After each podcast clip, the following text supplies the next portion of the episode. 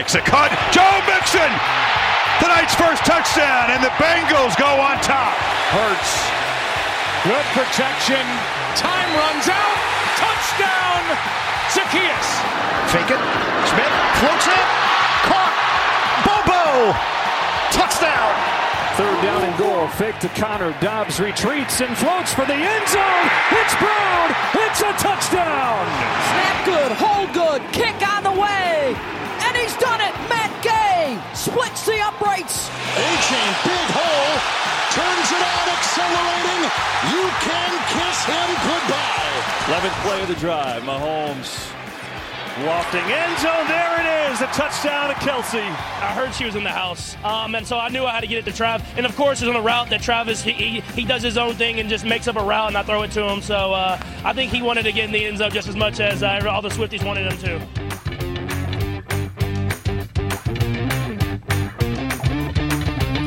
Dit is NFL op woensdag, jouw Nederlandstalige podcast over de NFL, de National Football League. Ook na week 3 zijn we een productie van het Groningse podcastconglomeraat KVM Media. Ja, het was huilen voor de Bears, huilen voor de Ravens. En toch hebben we alle moed samengeraapt om een nieuwe aflevering te maken van NFL op woensdag, seizoen 4, aflevering 12.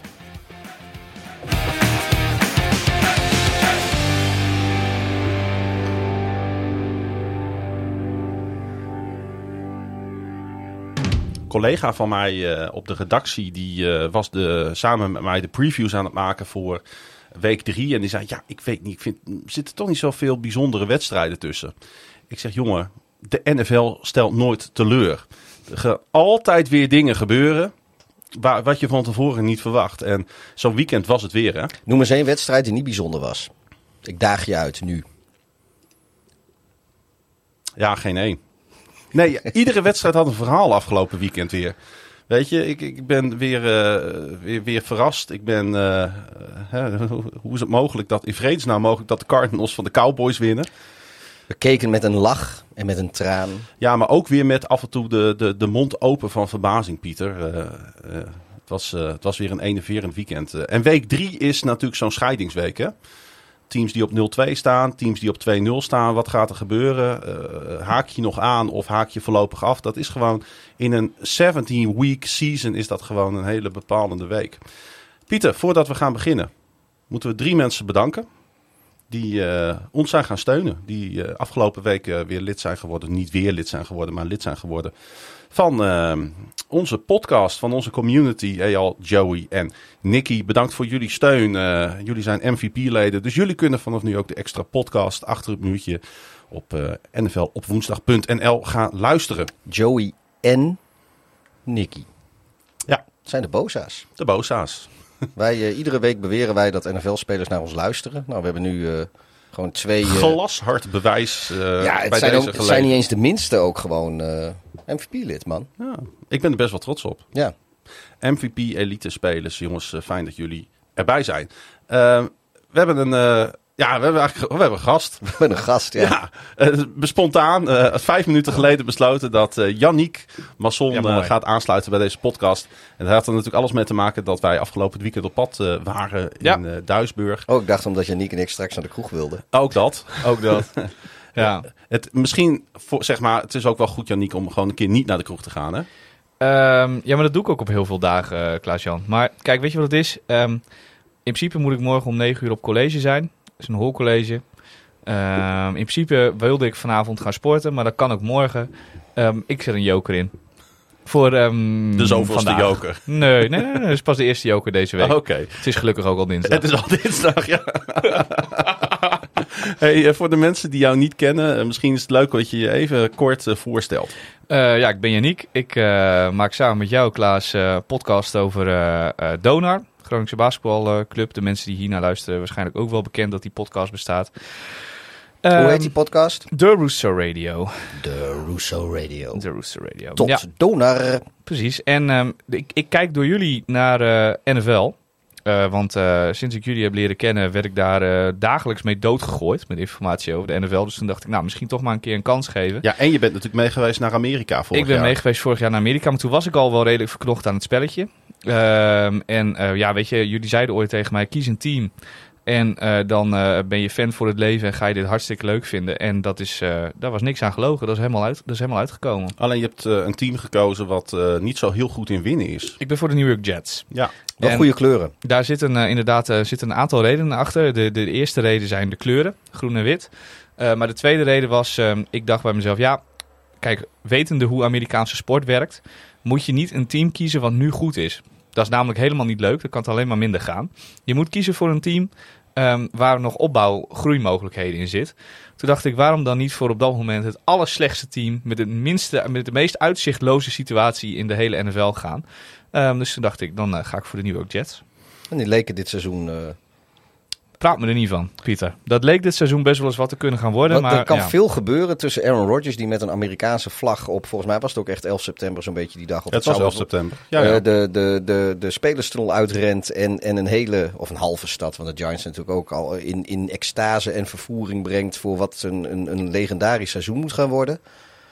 Ja, en eh, we zijn, eh, nou ja, dat was drie plays, maar ondertussen week drie, eh, er kan veel veranderen. Aaron Rodgers. Nou ja, en ook weer niet. Ja. Ja, en ook niet, want ja, weet je wat het is?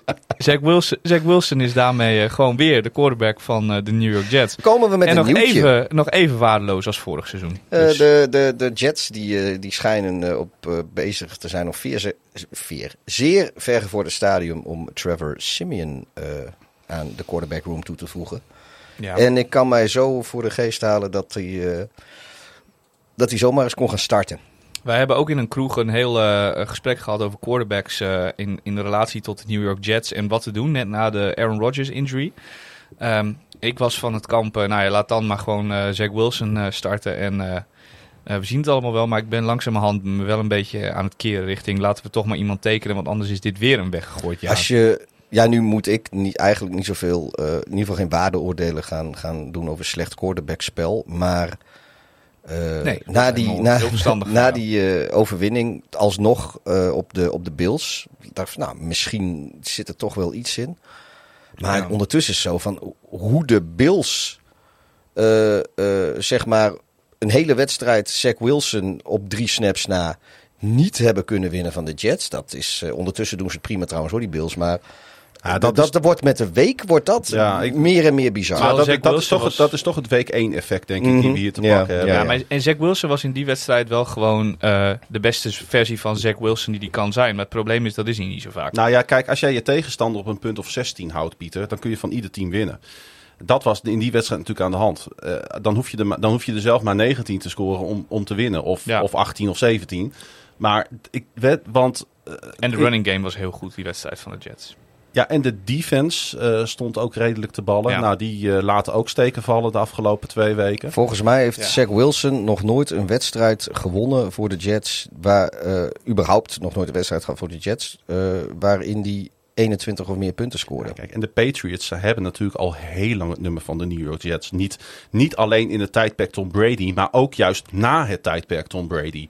En dat blijft wel opvallend. Zijn Dat, 13, eh, 13 op rij nu geloof ik hè? ja, het is echt krankzinnig. Eh, Van de laatste 17 hebben volgens mij de New York Jets er één gewonnen van de Patriots. Ja, en dat is gewoon een hele beschamende statistiek. En terwijl de wedstrijd tegen de Patriots was wel een van het schema van de Jets in de eerste zeven weken. Waarvan ik van tevoren had gedacht, nou, Met als je Rodgers. er, ja, als je, zeker met Rodgers, maar ook met Zach Wilson nog wel hoor. Als je er nou één eh, een goede kans moet, eh, moet kunnen hebben om, om te kunnen winnen, dan zou de New England Patriots daar nog wel een van de wedstrijden van zijn waarbij dat zou moeten kunnen. Gezien het feit dat je Ja. verder speelt tegen de Bills en straks nog een keer tegen de Chiefs. Maar goed, gelukkig hebben we ook nog de Broncos dit jaar. Ja, daar gaan we het straks over hebben. Wilson die zal trouwens sowieso zondagavond starten tegen de Kansas City Chiefs. Want eh, eh, volgens mij is die wedstrijd op primetime gepland. Eh, Met natuurlijk in het achterhoofd dat wordt Aaron Rodgers tegenover Patrick Mahomes. Ja. Nou, dat wordt het dus niet. Maar eh, dat kan natuurlijk niet meer gerescheduled worden nu. Nee, het is, het, is, het is een beetje. Ja, nu zou het sowieso laat zijn. Maar eigenlijk zou je. eh, had je na week 1. Tenminste, ja, kijk, wij, wij zijn voor die wedstrijd geen stadionbezoekende supporters. Dus als het in Nederland voetbal is, dan praten we er heel anders over. Maar voor ons nu als thuisblijvers. Ja, dan moet je eigenlijk in week 1 al kunnen zeggen. Nou, die, die week 4 wedstrijd halen we weer van het schema. Die gaan we flexen. Want. eh, Maar jongens. S- Simeons Auw. Trevor Simeon eh eh, Oh, alle, alle, alle Bears moeten ook van primetime hoor. Er, er staan er nog een paar gescheduled, maar daar kun je ook gewoon Maar ze stoppen. hebben nu een quarterback eh, getekend, volgens mij achter die Boyle, die ook op het de depth chart staat bij de Jets. Maar dit, is, dit is toch ook geen oorlogswinner voor, voor, voor de New York Jets. Laten we even eerlijk zijn. Deze jongen heeft in zijn carrière meer verloren dan gewonnen. Daar Simeon bedoel je? Ja, Ja, die heeft ook alleen maar voor klote teams gespeeld. Maar Simeon die kan wel meer, meer dan, dan 20 punten op een bord krijgen. En die offense van de Jets is, is helemaal niet zo absoluut beroerd. Oh. De, de, Eh, de receiver set en de running game is eigenlijk echt heel erg goed. Voor, voor, ja, voor precies. NFL, dus, ja. dus als jij daar een, een, een game manager neer kan zetten die Nou, enigszins jij hebt hem zien de spelen. Vorig jaar speelde hij voor de Bears. Toen jij ook in het stadion eh, zat tegen de Jets. Dat 31, die 31-10 nederlaag. Toen zag er heel beroerd uit wat hij liet zien. Ja, nou ja, goed. Dat, dat, eh, de, de, de Bears offense, die wedstrijd, is ook niet echt te vergelijken met, eh, met wat, eh, wat de Jets Maar kunnen- even, even, want eh, de, er ging een ander gerucht rond, ook door de, door de analisten van de grote networks gebracht. De Jets zouden Kirk Cousins van de Miami Vikings wel willen gaan halen. Minnesota. Eh, Minnesota, ja. ex- Excuses, jongens. Nou, nee, ik, ik denk, ik vergeef je. Dankjewel. Hey, ehm, eh, zou- moeten ze, zouden ze echt zo'n optie moeten nastreven? Want dan gaan ze weer heel veel eh, draft capital natuurlijk inleveren. Want er moet getrade worden. Ik zou dat wel een beetje paniekerig vinden, eerlijk gezegd. Ik denk dat... Maar de paniek was al groot Ja, in de New paniek, York. De paniek is Want al je groot, bent het maar- team met de grootste playoff droogte. Ja, maar als je dan een, ook nog een hele grote eh, quarterback gaat traden, voor een hele grote quarterback gaat traden, dan moet je waarschijnlijk weer. Want die andere teams weten dat ook, hè? Dat je, dat je in panic mode zit. Dan moet je waarschijnlijk zoveel opgeven dat daarmee geef je echt de hele toekomst van de franchise eerst weer tien jaar weg. Ehm, dat, ze- dat zou ik niet zo snel doen, denk ik. Na, na zondag... eh, Ja. ja. Ja, nee, weet je... eh, Aan de andere kant heb Ja, maar wat gaan Nee, de, maar wat de- willen de, de- de Vikings, Vikings- dan terug hebben? Wat, wat, wat moet je dan nee, wel die jongen die, kunnen een King's Ransom vragen. Want eh, de Vikings die staan wel, eh, wel 0-3. Maar eh, ja, die gaan nu niet eh, de stekker uit hun seizoen trekken, denk ik. Dat, eh, Nee, dan moet je maar echt... dat doe je wel. ja, dan, moet je namelijk. zoveel opgeven. Dat, ja. Maar Ja. iedereen die naar die wedstrijd heeft gekeken afgelopen weekend, die ziet natuurlijk dat het probleem in principe niet per se bij de quarterback ligt. Het probleem lag natuurlijk ook hier weer in die offensive line, die zij eh, maar niet weten eh, gestalte te geven. Eh, ze zijn nu aan het schuiven geweest. Hè. Mac, Makey Becton Ja. is naar de rechterkant gegaan, naar right tackle. Hè, zij, hij had natuurlijk, zijn oude rol was left tackle. Ja. Nou, dat hij dat niet aan kan, dat wisten wij ondertussen al een paar jaar. Het guard Elijah Farrah Tucker. Eigenlijk ook een klein beetje een tegenvallende draftpick van de Jets, mag je nu wel zeggen. Is nu naar tackle gegaan, omdat de Jets gewoon geen oplossing hebben eh, voor, de- voor, de, voor de buitenkant. Ehm, ze zijn hopeloos aan het puzzelen. Dat, daar komt het. Zullen we het schema trouwens even omgooien, maar gewoon beginnen met die wedstrijd? Ja, van dat de zei ik net. Daar beginnen we. Ja, Oké, oké. We pakken gewoon die wedstrijd gelijk even bij. Dan gaan we zo meteen wel even naar de wedstrijden van de week. En we gaan het even over Duisburg natuurlijk hebben. Ja. Maar eh, eh, de, de, de paniek. Jij zegt, eh, jij zegt dat zou een paniek eh aankomen. Ja, de paniek, is er wel. Nee, maar de paniek, is, er, al. Ja, tuurlijk. Maar op het moment dat je dan ook nog... eh, eh, omdat je zo in de paniek zit... kun je zo'n trade eigenlijk niet maken. Want voor de rest... Ja, de, de andere teams weten dat gewoon. Die weten gewoon... Ja, wij kunnen gewoon het maximale vragen in zo'n trade. Maar de druk is zo groot op deze franchise. Je moet niet vergeten, er zit een pers in New York achter. Die elke dag van de week die club helemaal kapot aan het schrijven is. Nou staan de Chiefs voor de deur, ook nog. Eh, weet je, op deze manier... eh, eh, ik, ik, denk dat onze grote vriend eh, Saleh gewoon de eerste, de eerste coach is die er op deze manier kan uitvliegen. Nee. Weet je, de, kijk, het feit dat ze Rodgers verloren hebben op de manier waarop ze die verloren hebben, nadat ze die hebben aangetrokken op de manier waarop ze dat gedaan hebben, ehm, dat geeft die, die hele staf daar, geeft dat. Ik bedoel, die Hackett is natuurlijk gekomen op voorspraak van Rodgers. Ja. Eh, als je eh Saleh ontslaat, wat ga je dan met, met, met Hackett doen? En daar komt Rodgers weer terug van blessure. En dan is zijn voorkeurscoach. Misschien, ik, ik weet ook niet hoe de band tussen Saleh en- en Rodgers is. Maar dat kan.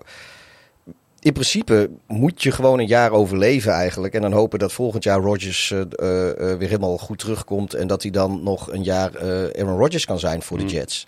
En daar ga je dus. Ik zou het dus heel dom vinden ook als weer terugkomt die trade Cousins. Om dan nu eh, een shitload wat je voor Rodgers hebt had nodig opgegeven. Eh, maar ja, je houdt je eerste ronde pick in elk geval. Dan ga je die nu alsnog opgeven voor Oké. een vervanger Maar voor Rodgers. Laat ik het dan zo zeggen. Ik vind dat de Jets in het begin een fout hebben gemaakt door allereerst Mike White weg te sturen. Want die heeft er capabel uitgezien bij deze Jets. Ja. Zelfs Vlecko heeft er capabel uitgezien. Ik heb Andy Dalton afgelopen weekend zien spelen.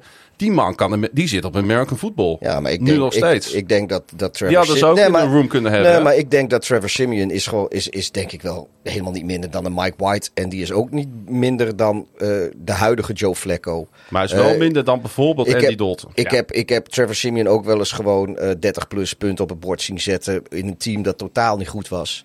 Eh, door gewoon eh, niet, niet al te veel fouten te maken, maar ook weinig spectaculairs doen. Maar gewoon een game te managen.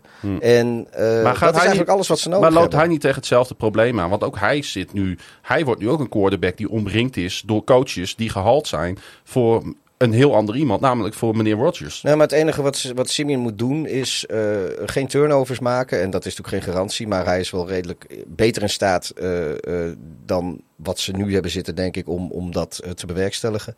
En gewoon zorgen dat ze een veld over kunnen steken.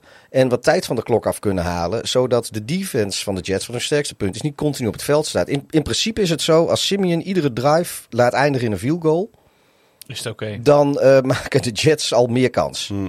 Maar uiteindelijk maakt het ook weer niet zo heel veel uit welke quarterback je er neerzet als de offensive line doet wat ze nu doen. Nee, maar als een, een Simeon, zeg maar, eh, bi- ook- binnen, binnen anderhalf seconde een, eh, op, op een slant of weet ik veel wat, een, een speler heeft en die bal Mhm. goed en snel eh, aflevert en zuiver, dan, eh dan kom je al heel eind. Dan heb je, dan heb je vijf, zes jaar ik maak me juist zorgen over die verdediging. Want eh, de Cardinals hebben laten zien hoe je verdedigt tegen de Cowboys afgelopen weekend. Ja. Dat kwam niet in de buurt bij het niveau van wat de Jets hebben neergezet tegen de Cowboys.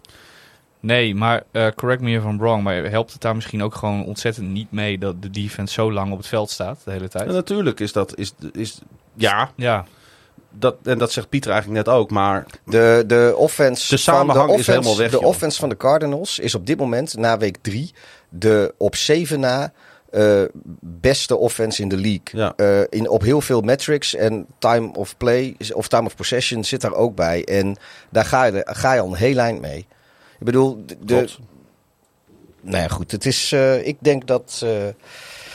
Ik, ik weet niet of Simeon de oplossing is. Maar ik vind wel dat dat de hoek is waar je op dit moment als, als, als Jets zijnde moet zoeken. Want je, je, nou ja, omdat met de blessure van Rodgers haalt hij die, weet ik veel, 70, 75 procent van de snaps gaat hij Ja. natuurlijk nooit halen dit jaar. Dus je houdt je eerste ronde pick. Nou, die, ga je, die ben je gegarandeerd kwijt als jij een, een quarterback wil aantrekken die bij een van de andere 31 teams start. ja. Maar aan de andere kant, uiteindelijk denk ik dat de sleutel voor de offense van de Jets, eh, om dat te fixen, eh, denk ik dat de offensive line fixen nog meer helpt dan welke Of- andere offensive line is absoluut het allereerste wat ze moeten gaan ja, aanpakken. Dat- ook al trade je voor Kijk naar Cousins, die- hè? kijk gaat naar die ook run gewoon- game. Ja, maar als Cousins, ook al trade je voor Cousins. Cousins gaat ook gewoon eh, dan eh, drie, vier keer gesackt worden per wedstrijd. Dat is ook niet houdbaar. eh, daar, daar moet je toch die eerste, eerste ronde pick voor in je broekzak houden Ja. als Jets zijn. De running backs hebben tegen de Patriots 31 keer de bal gekregen. Hoeveel yards hebben ze daaruit gehaald? Eh, nou, Vijf. geen idee. Nee, niet veel. nee, Vij- nee. 50 of zo? Hoop ik. 61. Ja. 61 yards, 31 touches. Nou, dat zegt niet alleen maar wat over die running backs. Dat zegt Mhm. vooral wat over die offensive line. Die gewoon en de passplay niet kan creëren. Nee. En de lanes voor de running back Nee, niet want kan de running creëren. backs- En de quarterback niet kan beschermen. Nee, maar wacht, wacht, wacht even. Nu is het wel zo natuurlijk met een offensive line. Als, eh, het is voor een O-line is het eh, relatief lastiger om structureel een goede running game te creëren. eh, dan dat het is om een goede eh, passing game te creëren. Als jij een quarterback hebt die eh, redelijk snel weet wat hij moet doen en dat ook snel kan. En dus als jij een quarterback hebt die, die binnen 2, 2,5 seconden weet wat hij wil gaan doen met een bal en waar hij heen moet. En na 2,5 seconden die bal kan gooien op zijn tweede read. Cousins kan dat. dan overleven dat al veel meer. En, en er zijn redelijk wat quarterbacks die dat kunnen. En dat zijn voornamelijk van die, eh, of, of heel veel zijn dat, ehm, eh, ja, van die, van die game managers. Die kunnen dat. Die, maar die, die moet je vervolgens niet eh, vijf seconden dropback laten doen. Of, of, of weet ik veel wat voor deep bombs. Of, of andere spectaculaire plays. Of een keer die pocket uit laten gaan als de boel wel collapst. Want dat kunnen ze niet zo goed. En dat is waar goede quarterbacks echt, echt uitblinken. Ja. Maar ja, dat hoeft niet. Een, een game manager, dat moet je hebben. En dat moet zelfs met de O-line van eh, de Jets. En ze hoeven ook helemaal geen, geen, geen, de divisie niet te winnen.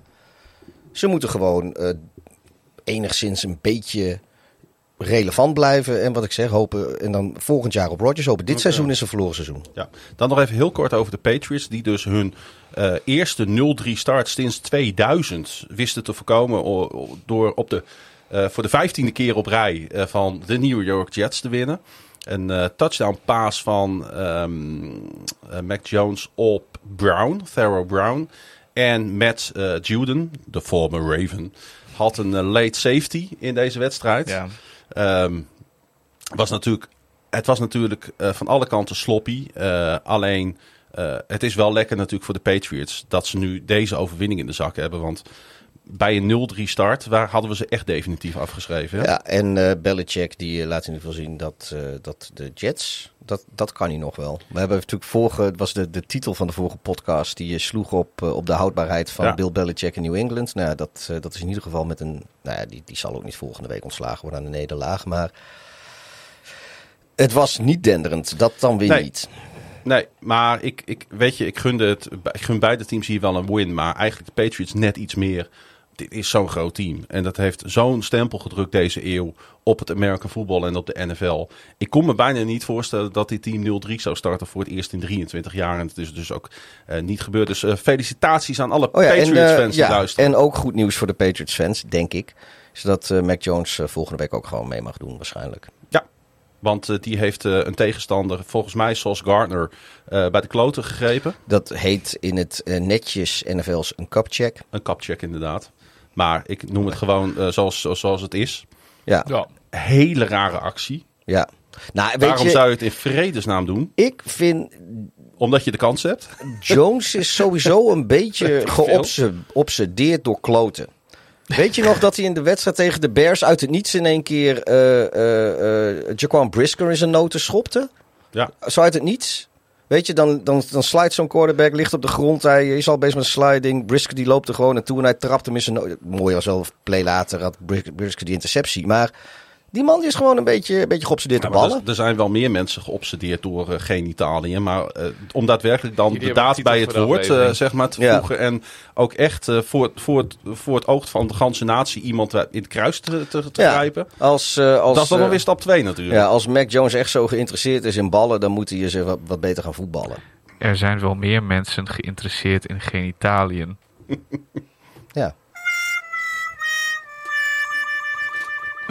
Goed, Duisburg. Ja, Duisburg, daar waren wij, Klaas. Eh, en er waren ook een aantal van onze luisteraars. Ik stond op een gegeven moment in de rij eh, om te kijken waar ik allemaal bier en, en braadworst kon krijgen. Werd Zal ik- ook weer eens niet, man. En toen werd ik al aangesproken door mensen die zeiden van... ja, jij kent mij niet, maar ik ken jou wel. Ik zeg, nou, leuk dat je er ook bent. Eh, Gezegend. maar eh, ja, wat hebben we eigenlijk allemaal beleefd, Janiek? Het was, eh, Oh, het, was oh. een, het was een American voetbalfeestje van hoog niveau, hè? Nou, laat ik beginnen met het feit dat ik voor mijn doen... ja, de mensen van, die deze podcast luisteren, die kennen mij misschien niet of wel. Maar ik ben geen fan van vroeg opstaan. Ik had ja gezegd tegen deze Duisburg-trip. En ik zeg op een gegeven moment, Klaas, zeg, wij gaan naar Duisburg. Hè. Jij, jij regelt dat dan allemaal vlekkeloos, overigens, met de trein. En eh, over het algemeen dan, daar komen we straks wel op. En eh, jij zegt tegen mij, eh, of ik zeg tegen jou, Klaas, hoe, laat, hoe laat moeten wij weg? Jij, jij zegt je, Janiek, jij wordt om acht uur op station verwacht. Op zondagochtend, hè? Op zondagochtend. Ja, weet je, dan ben ik, ehm, ik zet er even mijn bril vooraf. De meeste mensen weten dit, Meteen maar niet blij. wij wonen in Groningen. Ja, dat is eh, Oslo-Zuid ook wel, voor eh, mensen die... Nee, nee, nee, dat is het gewoon niet. Oslo mag echt op een hele beste dag, mogen ze zich Groningen Noord noemen. Dat is jouw mening. Ehm, maar goed, wij staan eh, om acht uur op station. En eh, toen moesten wij beginnen aan een vijf en een half uur durende treinreis naar het niet zo prachtige Duisburg. Ehm, via Enschede. Eh, ik heb in, in een trein gezeten zonder eerste klas. Dan had ik ook niet gedacht dat ik dat ooit nog eens mee zou maken. Want ja, Dat vinden wij daar- heel vervelend. waarom zou je in de tweede klas gaan zitten als er ook een eerste klas is? Nou, omdat die er dus kennelijk niet is.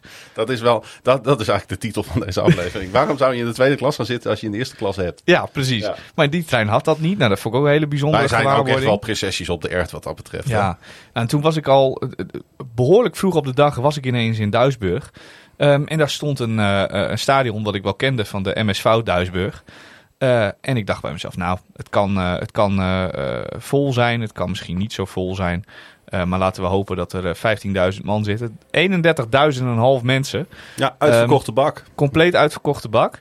Ehm, en eigenlijk het, het allerleukste vond ik aan die hele dag de volpret die wij gehad hebben op de stations in Duisburg, waar wij, waar wij waren. Ehm, waar we op één team na alle jerseys van de NFL gespot Ja, hebben. nou, nou mag Pieter raden welk team, ik weet niet of je dat meegekregen hebt zondagavond. We hebben 32 NFL-teams zijn er natuurlijk. We hebben er één niet kunnen spotten, Pieter. Welk team hebben wij niet gezien van de 32? Is het een team waar jij een jersey van hebt? Ja, Zijn het De Lions. de Detroit Lions niet gespot. als enige het team niet gespot? Waarom had jij het Detroit Lions jersey Nou, aan? dat vroeg ik me op dat moment ook af. Dat Ja, was wel heel leuk Want dan hadden we 32 uit 32 gehaald. Dat was pas leuk geweest. Maar ehm, Ik ja, denk ook wel eh, dat Het duurde weet- heel lang voordat we een andere Bears... eh, Ik wou zeggen, ik denk dat ik wel weet eh, wie, wie de Bears Nee, er was ook iemand op dezelfde rij als waar wij zaten in het stadion. Die had een, en dat telde, vond, vonden wij ook, als het logo er heel groot op staat, eh, stond, telde het ook als je een trui of een t-shirt aan had. En die had een eh, trui aan van de Chicago Bears, waar heel groot het Bears logo op stond. Mooie berenkop.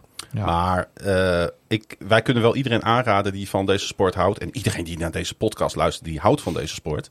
Om de, hier een keer heen te gaan. Hè? Ja, het is een feestje, weet je. Ja. Ehm, eh, de, de, de, de hoeveelheid jerseys geeft al aan wat voor American voetbalfeestje het is. Je hoeft helemaal niet te weten, want dat wist ik van tevoren namelijk echt kats niet. Welke eh, twee teams er tegen elkaar spelen. Ik hoorde Ehm, dat uh, Rheinfire er een was en die speelde thuis in hun eigen stadion in Duisburg, terwijl ze volgens mij uit Düsseldorf komen. Klopt. Dortmund. Dortmund. Nee, Düsseldorf. Nee, ja. is de Düsseldorf Düsseldorf. Rheinfire. Ja. Ja, Ja? ja. altijd geweest. Oh. Of zijn ze verhuisd? Ja, dat kan ook. Hè. We Nee, hadden, volgens mij is het nog steeds Düsseldorf. En ze speelden tegen hadden de, vroeger ook de Baltimore Colts, hè, dus het, is, Ja. het, kan, het alles kan. ze speelden tegen de Stuttgart Surge, bleek uiteindelijk. Maar dat, dat doet er helemaal niet toe, weet je. Ehm, in dat stadion, het is gewoon gezellig. Al die mensen komen inderdaad gewoon om eens een keer in Düsseldorf. Europa eh Amerika voetbal te kijken. Dortmund ligt volgens mij niet eens aan de Rijn, of wel? Nee, ligt daar wel in de buurt. Zei ik Dortmund? Ja. Oh, ik bedoelde Düsseldorf. Ja, dat had ik al gezegd toen zei nee. Waar ik Dortmund zei, bedoelde ik Düsseldorf. maar ehm, eh, eh, ja, nee, het is gewoon echt een Amerika voetbalfeestje. En, en als je daar in dat stadion zit en je kijkt naar die wedstrijd, dat- je gaat er ook nog zonder verwachtingen zitten. En dan is het eigenlijk best wel een leuk niveau waar je naar zit te kijken. 87 punten in totaal. Ja, dan vermaak je je natuurlijk. eh, Ja, maar dat kwam, er was één onderdeel bij beide teams, ehm, waar echt helemaal nergens op leek, wat nul niveau had. En dat waren de kickers en punters. Als je een eh, ongeveer eh 40 yard field goal over hebt en het is eh 4 van 8, ehm, dan ga je er normaal gesproken niet voor als het een one-score game is. En ja hoor, daar gingen ze weer. Gewoon hopsakee, mooie was, op het veld. Op een gegeven moment stonden ze 4 en 1 eh, bij de Rheinfire. En toen dacht ik, nou oké, eh, da- daar ga je ervoor. Hè, als je op, op, op de helft van de tegenstander staat, lekker man. Maar toen kregen ze een holding penalty tegen. Dus Ja. toen werd het 4 en 11. En toen gingen ze er alsnog voor. En ze pakten ook die fourth down. Ja. Weet je, en dan heeft de coach natuurlijk altijd gelijk. Dat is trouwens geen, eh, geen eh, koekenbakker, die, eh, die coach. Geen, Was dat geen niet gewoon eh, filosofie? Want je hebt ook, eh, je hebt in ieder geval high school teams die Nou. nooit, nooit eh panten. Nee, ik neem jou even mee naar de, eh, naar de kick-offs in deze wedstrijd. We hebben namelijk, volgens mij, als ik goed geteld heb, vijf of zes foutieve kick-offs gezien. Ja, illegal. Illegal Illegal, kick-offs. punts, illegal kick-offs, ballen die over de zijlijn stuiterden. Dus teams mochten steeds op de 40-yard-lijn Ja, dan beginnen. ballen die over de grond gingen. Het was echt... eh, oh, maar dat mag, dat is een squib kick. Ja, maar dit, dit, ja, dan over de grond en dan stuiterend over de zijlijn ergens nog eh, dat voor, mag dan weer de, niet. voor de 30-yard lijn aan de andere Ja, kant. dat mag. Dat- ja. Moet, hij moet, ja, hij Ja, mag niet. eh, exact. Dus, nou, maar we hebben ons ontzettend vermaakt. En volgend jaar wordt de elf finale, hè, de European League of Football finale, in eh Gelsenkirchen, in die Veldins Arena ge- gespeeld. Dat is echt een grote Daar kunnen er nog veel meer is mensen dat, in. is dat eh, wat vroeger de Arena of Schalke heette? Ja, Ja. Schalke Stadion. Schalke Stadion. Schalke 04 Stadion. Moeten we eigenlijk eh, Colin eh, even vragen of die eh, mee wil? Ik ben er al een keer geweest. Ik heb Schalke daar zien verliezen van Manchester United. Het was hartstikke leuk.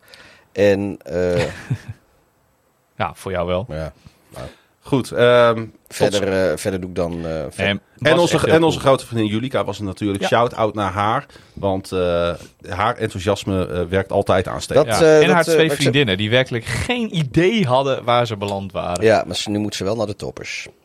Ja, dat zou ik persoonlijk eh, toch mezelf van kant maken voordat het zover was. Maar ja, Ik geloof dat zij dat Ja, maar dan kan ze niet naar de 2024 finale. Dat zou een beetje zonde zijn. Ja, ik denk dat ze, dat ze zich niet van kant maakt, maar dat wel probeert door heel veel bier te drinken van tevoren, zodat ze bij die toppers er gewoon geen actieve herinnering meer aan heeft. dat lijkt me wel het beste persoonlijk. Hey, we gaan in eh, sneltreinvaart proberen om eh, door alle potjes eh, te gaan. Ja, gaat echt lukken. Want eh, we willen het, eh, hè, we hebben onze Telegram groep over gehad. We willen het op een uurtje of twee halen. Dus we gaan het tempo wat opvoeren. We zitten volgens mij al op, aan, op meer dan een half uur, of niet? Eh, ja, nee, we zitten op een half uur. Half Dat uur, komt dat oké. ik. Ik lul altijd zo lang. We gaan eh, eerst naar mijn team van de week.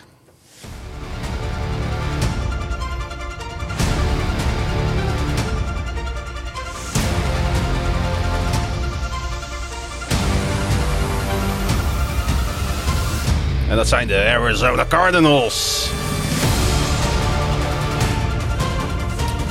Want eh, zij wonnen eh, op een fantastische manier met 28-16 van eh, een van die teams die wij toch wel hoog hebben ingeschaald aan het begin van dit seizoen. De Dallas Cowboys. Ehm, maar zij liepen zich helemaal stuk op deze Cardinals. En ik moet gewoon eerlijk zijn, daar heb ik ontzettend van genoten. Niet dat Cowboys eh, verloren, want ik heb helemaal geen hekel aan de Cowboys. Maar wel dat iedere keer weer... Weet je, hoe, ma- hoe, wij maken hoe, vier, vijf jaar deze podcast? Vier. Laten we, Dit is ons ons vierde seizoen. Ja, ja, ja. En iedere keer trappen we er weer in. We schrijven teams af. En je vergis je in de eh, absolute wil van al die spelers. Om iedere week weer op dit podium het beste beentje voor te zetten. Je vergis je in coaches, in hun kunde. Je vergis je in de, eh, de sfeer die fans in hun home stadium kunnen neerzetten. Het is. En, en ja, de Arizona Cardinals zijn daar een uitstekend voorbeeld van, denk ik. Het is, uh, onderschrijf maar weer eens wat we, weet ik veel, of dat seizoen 2 was, of seizoen 1, of seizoen 3, of alle voorgaande seizoenen. Uh, tanken bestaat niet in de NFL. Tenminste niet vanuit spelersperspectief. Nee. En uh, dat heeft deze wedstrijd ook maar weer eens aangekondigd. Nou, maar ook niet vanuit coachperspectief. Die Gannon is niet bij de Philadelphia Eagles weggegaan om 16, 17 wedstrijden te verliezen in Glendale. Nou, precies. Op het moment dat de coach er de, de, de brui aan geeft, dan zou dat ergens in, in een van de laatste weken moeten zijn. En hij zeker weet dat hij er volgend jaar weer zit. En dus niet een uh, Lovie Smith hier doet. Uh, voor een eventuele draft pick. Maar goed, ja. dat... Maar het is wel knap wat die, uh, wat die daar, die quarterback daar laat zien. Hè? Want hij moest natuurlijk, uh, hij had een ondankbare taak om uh, Kyler Murray te vervangen. Die natuurlijk nog steeds uh, thuis zit met die ernstige knieblessure van hem. Ja, en DeAndre Hopkins... die wordt wegge weggehaald. Die is, die, is, die, is, die, was er, die is er ook gewoon niet. Hij had afgelopen zondag, nou hij natuurlijk niet, maar de verdediging had Buda Baker niet. de safety, wat absoluut hun topspeler op defense is. Ja, en dan uh, zie ik plays uh, ontstaan bij de, uh, bij, bij de Arizona Cardinals. fake, fake handoffs. Hè, runs die totaal de andere kant op gaan dan wat de defensive line verwacht. En dat, zijn geen, dat is geen knaken defense van de Dallas Cowboys. En ze hebben gewoon heel goed gebruik gemaakt. Het is heel gek wat ik nu ga zeggen. Zij hebben heel goed gebruik gemaakt van de kracht van, Dallas, van de Dallas Cowboys. Tell me all about it. Nou, hè, zij hebben natuurlijk Michael Parsons daar in die verdediging staan. Meen je? En die kan een aardig uh, uh, robbertje vechten. Mm -hmm. Maar Parsons is zo goed, en dat zag je deze wedstrijd ook weer, dat zijn teamgenoten dat niveau niet kunnen bijhouden. Dus wat gebeurt er? Michael Parsons is constant aan het rushen. Maar omdat Michael Parsons rusht, ontstaan er lanes. Ja. En de Cardinals hebben een aardige run game staan. En die sturen daar dan die corner doorheen. Of Dob zelf. En dan zie je dus dat de rest van de verdediging van de Cowboys is te traag om bij te houden wat Michael Parsons doet. Ja. Makes that any sense wat ik nu zeg? Nou, ik snap, wat, ik snap wat je wil zeggen. Ik, ik weet niet of het, of het, of het uh, uh, echt zo, zo is. Want? Nou ja, het, het... Nou, omdat uh, het verschil tussen, tussen Micah Parsons en de rest van de, van, van de, van de Cowboys-verdediging. Natuurlijk is, is Parsons is de beste speler van die verdediging. Ze is een van de beste spelers, uh, verdedigende spelers in de NFL. Mm -hmm. uh, maar het is niet zo dat, dat hij zeg maar zijn, zijn teamgenoten flabbergasted achterlaat. Uh, en dat, dat, dat die dan niet meer kunnen doen wat ze moeten doen om weet je, als dat al zo is, dan zou Michael Parsons misschien denken dat hij zijn eentje die wedstrijd eh, moet gaan redden voor de Cowboys en iets doet wat, Nou ja, wat, wat de spelers beetje- niet verwachten. Wat, wat je gewoon ziet is dat, dat eh, zij hebben Parsons gewoon zijn gang laten gaan. Ja. Hè? Die constant wil die maar achter die quarterback aan. Achter die quarterback aan. En wat eh, eh, eh, daarmee dagen ze eigenlijk de Cardinals uit om met de bal te gaan rennen. Omdat Dobbs geen tijd genoeg heeft om die pass te geven. En wat je dan ziet is dat zij met Connor hebben zij de perfecte between the tackle runner om daar gebruik van te maken. Want die edge rushes van de Cowboys zijn gewoon niet snel genoeg om Connor bij te houden. Dus ik vind dat de Cardinals het heel slim hebben aangepakt. Het is toch ook wel een beetje zo, misschien Pieter, dat eh, de vorige wedstrijden van de Dallas Cowboys, vooral Mike Parsons in de verdediging van de Dallas Cowboys echt heel erg goed was. Ehm, met het druk zetten op quarterback, et cetera. En dat de rest van de defense, als je er nu over nadenkt, eh, ja, prima speelde, maar niet per se heel outstanding was of zo. Nou ja, kijk, eh, als je. Ook al was het tegen, tegen de Giants, als jij een shutout host, dat, dat red je niet met, met, met, met één goede speler. Of, nee, weet je, tuurlijk, ik, ik, ja. ik, het, het, ik, ik denk, het, het zou waarschijnlijker zijn inderdaad dat... Laat ik zo eh, zeggen, dat, de Cowboys nee, ik denk speelden dat, te agressief. ja, of, of, of, of misschien alleen Parsons, weet je. Misschien was Savior-complex wat ik zei. Dat hij Ja. dingen deed die eh, of niet de bedoeling waren... Ja. of normaal gesproken in die package niet gebeuren. Ja. En dat andere spelers daardoor niet precies wisten wat, ze, eh, wat, wat er dan vervolgens wel moest gebeuren. Of juist eh, de, Nou, en dat, dat zag je ontstaan, gecombineerd natuurlijk met een aanval dat maar 16 puntjes op het bord heeft gezet. Tegen natuurlijk niet de beste defense van de league, laten we eerlijk zijn. Nee, maar ik zei het in de trein nog tegen jou. Eh Dak Prescott is de quarterback die vorig jaar de meeste intercepties van de hele league had. Dat klopt. Dat ik klopt. ben niet zo heel overtuigd van de offense van de Dallas Cowboys. Nou, daar heb je in zekere zin gelijk in. Want eh, het grote probleem in deze wedstrijd was natuurlijk de red zone offense van de Cowboys. Zij waren 1 uit 5 in de red zone in het omzetten naar touchdowns. Dat is natuurlijk veel te weinig. En ehm, ze maakten twee field goals uiteindelijk. Eén keer hadden ze een turnover op downs. En de laatste drive eindigde in een interceptie Ja. van Dak Prescott. ja. Die aanval die stond er natuurlijk echt beroerd op. En, eh, wel meer, eh, meer offensive yards trouwens dan de, dan de hele Cardinals aanval.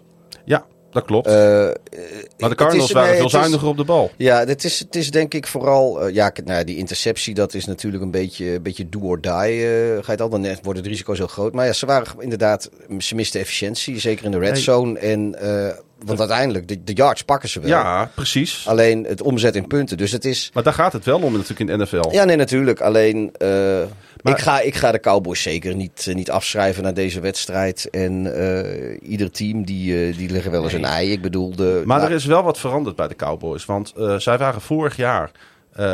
scoorden zij op meer, iets meer dan 71% van hun red zone trips. Wat eerste in de league was. 71%. De drop... Oké, we hebben nog maar drie wedstrijden gespeeld. Maar de drop is naar 40%. Want we denken misschien dat ze heel goed hebben gespeeld tegen de, eh, tegen de Giants en de Jets. Maar dat viel eigenlijk best wel tegen als je kijkt naar de Ja. numbers. Eh, ze zijn nu 28ste als het gaat om hun red zone offense. En eh, zij zijn natuurlijk wel Ezekiel Elliott en Dalton Schultz kwijtgeraakt. Hè? Ja. En deze twee mannen ehm, hadden tussen 2021 en 2022, zijn dus twee seizoenen lang, had Elliott 81 red zone touches tegenover 48 slechts van Tony Pollard. En Schultz leidde het team in red zone targets 30, receptions 17 en receiving touchdowns 11. Elliott en Schultz scoorden samen 35 van de 81 touchdowns als dit team in de red zone stond de afgelopen twee seizoenen. En de Cowboys hebben deze twee spelers, moet je tot nu toe constateren, niet goed genoeg vervangen. Dat is eigenlijk mijn conclusie over, over wat ik afgelopen weekend eh, heb gezien in de afgelopen drie wedstrijden van de Dallas Cowboys. En dan zeg ik niet dat dit team eh, het- niet kan of de playoffs niet gaat halen. Sterker nog, ze zijn misschien wel een bovengemiddeld super, team. Bowl Het is kandidaat. een bovengemiddeld team in de NFL, maar eh, het is niet zo goed als je op basis van de eerste twee wedstrijden misschien wel dacht. Nee, en, en het komt nu op Mike McCarthy aan. En ik heb eerder natuurlijk kritiek gehad op de headcoach van de Dallas Cowboys. Maar hoe kan het dat eh, eh, tot nu toe dit seizoen Jake Ferguson, de tight end, acht red zone targets achter zijn naam heeft staan. Waarvan volgens mij vijf op een slant route. En je hebt Brandon Cooks en CD Lamp in je team. En die zijn 0 uit 5 als receivers. Nou, sowieso eh, denk ik dat ze, misschien ligt het wel aan, aan, Mike McCarthy, maar zij is misschien wel te, te veel bezig is met het spreaden van de wealth, om het zo maar te zeggen. Want ja, zeker als het een beetje wat lastiger gaat. eh, en dat ging het eigenlijk vanaf eh, de eerste seconde zo'n beetje al. Het is echt niet zo dat ze op het laatst... eh, ja, Get CD Lamp involved. vier, vier receptions voor CD Lamp. Ja, nou ja, eh, ik, ik, weet, ik moet eerlijk zeggen... Als jij je beste ik- spelers, als je daar geen bal naartoe ik weet, gaat ik, gooien, ik weet niet hoeveel targets die had, maar hij heeft in ieder geval vier receptions. En Nou, maakt niet uit hoeveel Eh, targets hij had. eh, Hij krijgt te weinig targets. Nou ja, voor hetzelfde geld. Kijk, dat, ik zie de statistieken niet. eh, Nee, ik, weet, ik weet niet hoeveel. Kijk, weet, ik, ik, kan ook, ik weet ook niet iedere play hoe, hoe goed in de dekking stond. Maar ik kan mij niet voorstellen dat en Gallup en Lamp en eh Cooks... eh, dat die allemaal door God betert de Cardinals... allemaal eh, eh, zo, lang, zo, zo dusdanig gedekt worden... dat, dat Dak Prescott er Nou, niks dat mee kan. geloof ik ook niet, nee. Dus daar, eh, Dus daar, er klopt, zit er klopt iets de- niet de- in die red zone play calling. Nee, dus, en sowieso vind ik dat er in de hele playcalling wat iets niet klopt. Want ik vind als jij maar 16 punten op het bord zet, ongeacht wat er in de red zone gebeurt, als je überhaupt maar, de, als CD Lamb maar vier receptions heeft, dat vind ik gewoon veel te weinig. Ik bedoel, Ja. eh, je beste spelers moet je de bal eh, zoveel mogelijk geven. Het wordt wel echt leuk om die Dallas Cowboys in de gaten te houden. Want gaan, zij gaan dus binnenkort gaan zij, eh, de trip naar de kust maken. Dan spelen ze dus in week 5 en 6 achter elkaar tegen de 49ers en de Chargers. Ja, dat worden, en, en dat duel tegen de Chargers, dat wordt echt smullen. Want ehm, eh, ik heb gezegd, off-season, Dallas Cowboys, schakel weg bij Mike McCarthy. En schakel over op Kellen Moore. En weet je nou wat het grappige is van Kellen Moore bij de, bij de Chargers? De Chargers hebben de tweede op één na beste red zone offense van de league. Hmm. Exact wat, wat zij ontberen, die coach hebben ze weggestuurd naar de LA Chargers, waar ze over een paar weken tegen moeten spelen. Ja, dat vind ik nu al zeg maar zo'n interessant gegeven. Zou ik dan iets heel gek zeggen wat nergens op gebaseerd is? Nou, daarom zit je ook erbij. De Dallas, Cow ja, de Dallas Cowboys winnen de volgende twee wedstrijden. Ja. Ja, let maar op. Dat gaat gebeuren. Ehm, De potjes waarvan je het niet verwacht, die gaan ze winnen. De potjes waarvan je het wel verwacht, daar gaan ze het ineens moeilijk krijgen. ja. Nou ja, het is in ieder geval een leuk team om in de gaten te houden. Eh, Pieter, eh, we, gaan, eh, we gaan gewoon naar jouw team van de week toe, want eh, ook zij verdienen aandacht.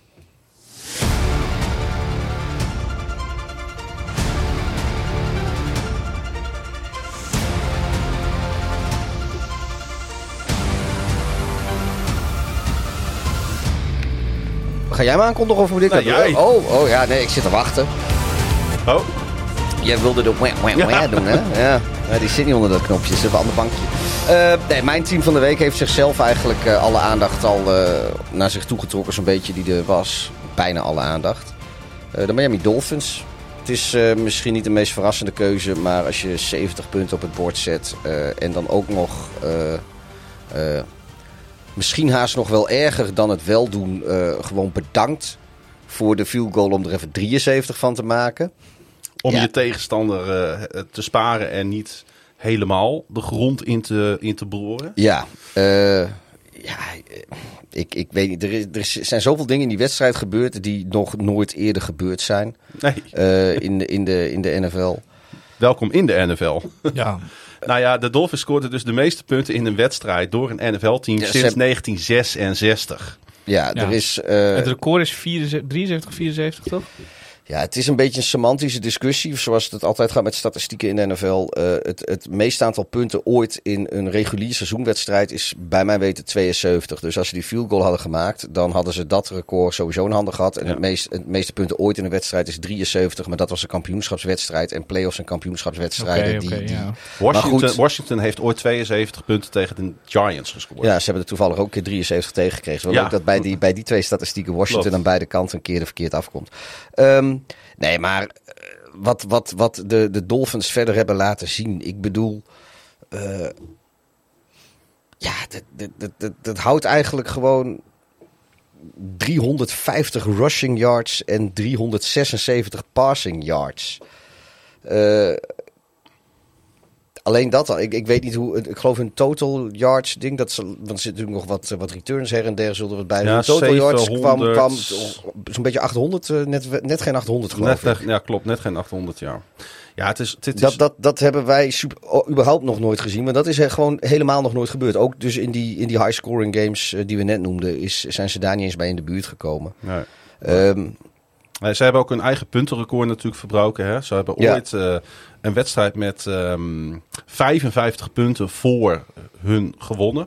En eh, toen het 56-13 werd, eh, was het officieel van de Miami Dolphins. En de Miami Dolphins eh, zitten al een doen al tijdje... een poosje mee. Doen al een poosje mee. Was de wedstrijd was... Ja, het- het is, het, is, ehm, Het is ongehoord. het is echt ongehoord, ja. hoeveel, hoeveel teams zullen ooit eh, twee quarterbacks in, de, in, in een wedstrijd gehad hebben? Waarvan de een 155,8 rating had en de ander 158,3 rating. Dus twee quarterbacks met 155 Maar plus. dat zegt ook alles over Nul. de... Ja, dan moet ik eerlijk zeggen, soms heb je wel eens, weet je, dat als ze één trickplay doen, dat en, en de, de, de kicker bijvoorbeeld, ja, of de punter, die de gooit een perfecte paas Ja. en er komt een touchdown out of zo, dan, dan kan dat. Ja, maar als je die er tussenuit haalt... Maar eh, twee quarterbacks eh, en nou ja, Mike White, twee uit twee. Het is niet dat hij nog zoveel attempts heeft, passing attempts heeft gedaan. Maar los van dat, weet je, alleen dat al, weet je. Dat is, eh, al, alle statistieken van deze wedstrijd, die gaan eigenlijk eh, het voort, voorstellingsvermogen van de moderne NFL verder. Want inderdaad, vroeger zag je ook wel rare shit, maar dit, dit, dit ik denk niet dat überhaupt mensen dachten dat dat hele 70, eh, dat dat in de moderne Ja. NFL nog een keer terug zou komen. En dan heb je nota bene week 3 van 2023 en het had, we hadden het twee keer kunnen zien. En we zien het één keer en nou ja, goed. eh, ik, ja, ik, ik kan niet genoeg goede dingen zeggen over de Dolphins. Dat is ook waar. Eh Raheem Mostert en rookie... Moster Mostert B. En, en eh, rookie favoriete saus ooit. Maar De ja. Fawn Chain, zoals die werd genoemd door de commentator. Maar ik heb begrepen dat je het iets anders moet Ja, uitspreken. het Achane of, Ja. of weet ik. Hij heeft op social media heeft hij, eh, eh, eh, even commentaar gegeven. En het, niet lelijk bedoeld, het was goed bedoeld. Van joh, ik had nooit verwacht dat ik zoveel op tv zou komen en naam zoveel genoemd zou worden. Maar eh, nu dat gebeurd is, heb ik van mijn moeder gehoord. ja, precies. Maar goed, wij- goed. ik noem hem even A Chain, omdat, omdat dat is wat ik in mijn hoofd heb zitten. A-Train noem ik hem. Mostert en A Chain scoorden allebei vier touchdowns in deze wedstrijd. Werden daarmee eh, de tweede, het tweede duo teamgenoten in de geschiedenis van de NFL... die elk vier scoren scoorden in één wedstrijd. Priest Holmes en Derek Blaylock kregen het bijna 20 jaar geleden voor elkaar voor de Chiefs... in een eh, grote overwinning op de Falcons. En eigenlijk vond ik het wel eh, leuk voor de Miami Dolphins om te zien dat die run game zo goed liep. Want dat was natuurlijk vorig jaar het grote probleem. Hè? Het ontbreken van een goede run game. Ja, en, en, en zij, zij, zij eh, breken nu alle eh, eh, modellen die daarvoor zijn. Je hebt daar zo'n model voor, dat heet de Rush Yards Over Expectation, heet dat. En ehm, daar, dat, dat model laat zien die, die, die, dat weegt, die wegen eigenlijk de locatie en de beweging van blokkers en verdedigers af op het moment van een handoff. Om daarmee in te schatten hoeveel yards een gemiddelde back zou kunnen krijgen in zo'n situatie. Het klinkt als een wiskundig model waar ik echt kaas van gegeten heb. Maar het klinkt wel interessant. Nou, ik, ik, ik kan je vertellen, ik kan je vertellen, de running back die daar vorig jaar het beste in scoorde was Nick Chubb. Dus die, Die is goed. Dus die, Dat is een goede pakte, running back. dus die pakte meer yards Ja. dan de modellen voorspelden in, die, in specifieke situaties. Eh, en eh, de Miami Dolphins waren vorig jaar het team wat daar het slechtst in was.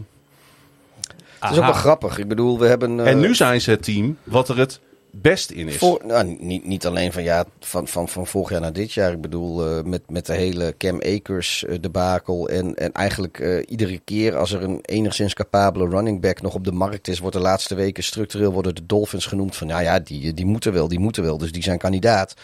Ehm, Ja, ze hebben natuurlijk Chase Edmonds ook weggedaan hè, vorig jaar. maar ja, uiteindelijk... eh, weet- je, laten we ook nou niet doen alsof ze nu iedere week 70 punten op het bord gaan zetten. Of iedere week eh, 300 plus rushing yards in een wedstrijd gaan pakken.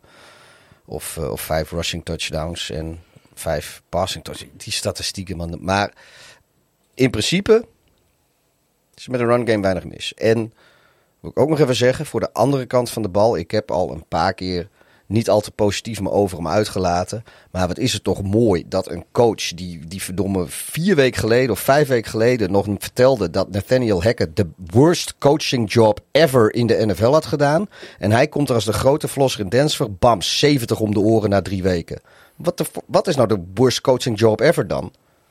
Ja, er is gewoon heel veel kapot in Denver. Eh ze moeten niet, niet nu gaan bepalen eh, hoe zij gaan spelen. De eerstkomende wedstrijd tegen de Chicago Bears. Zij moeten eerst gaan herijken wat voor eh, franchise ze zijn. Het is wel, het is, het is wel een, een, een mooie terugkomwedstrijd. eh. Nou ja, dat Ze zijn maar- favorieten. Maar, datzelfde kun je natuurlijk ook gewoon voor de Chicago Bears zeggen. Denver, Dat is voor mij even. de, de Denver Broncos, die hebben net 70 punten op hun flikken gekregen. Die moeten naar Chicago. En die zijn 2,5 tot 3 punten favoriet op dit moment bij de bookies. Ja, dat slaat nergens op.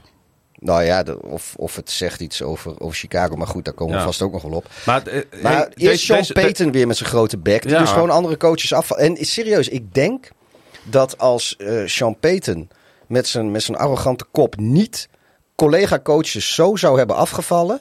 dan waren de Dolphins waarschijnlijk eerder van het gas afgegaan.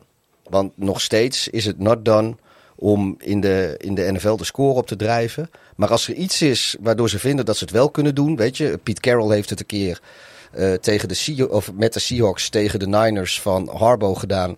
Omdat Harbaugh het in college had gedaan bij eh, het college team wat eh Pete Carroll toen coachte. Nou ja, revenge vond ik toen trouwens ook niet netjes. De Chiefs hadden het afgelopen weekend kunnen doen ja, tegen maar, de Bears. nee, maar dat bedoel ik. Die doen het dus niet. Nee. Om, ze vernederen de Bears keihard. En uiteindelijk stoppen ze gewoon. Eh, dat gebeurt eigenlijk altijd in NFL. En de, de Dolphins, ik, het zou mij niet verbazen als ze daar eerder gestopt waren. Als vriend eh, Sean Payton eh, niet zo'n klootzak was geweest. Maar die uh, chain is wel een blijvertje in, uh, in Miami. En uh, daarom is hij uh, mijn uh, biertopper van de week. Pik, pik, pik, pik. En uh, ik neem ook even een slokje bier. Ik ook. Topper. Of topic, altijd als ik dit muziekje door heb ik ineens enorm veel zin in een Breeder ananas. Of dat toppertje. is uh, sowieso een onderschat drankje. Mensen doen daar heel erg lullig altijd over. Maar eigenlijk als het mooi weer is, graadje of 30... en je zit lekker onder een, um, op een bankje, een beetje half in de schaduw, blote voetjes... is een briezer ananas een onderschat drankje. Ik uh, nam altijd Woody's ananas of Woody's citroen. Maar er kwam de kroeg waar ik zat, die had dus geen Bacardi. Die had iets van een concurrent van Bacardi. En het was exact hetzelfde drankje, maar deed dan Woody's of zo. Ja, goed verhaal. Klinkt toch anders? Uh, uh, Alcoholisten Anonymous. Ja. Wat is een toppertje eigenlijk? Wat zit daarin? Ja, dat is toch zo'n frambozenachtig drankje? Wat de fuck is een toppertje? Ik, veel, ik ben van een hele er? andere generatie dan dat jullie zijn, hè jongens. Kom aan. Ik ken wel uh, Liqueur 43 met jus, dat noemden wij een split. Ja.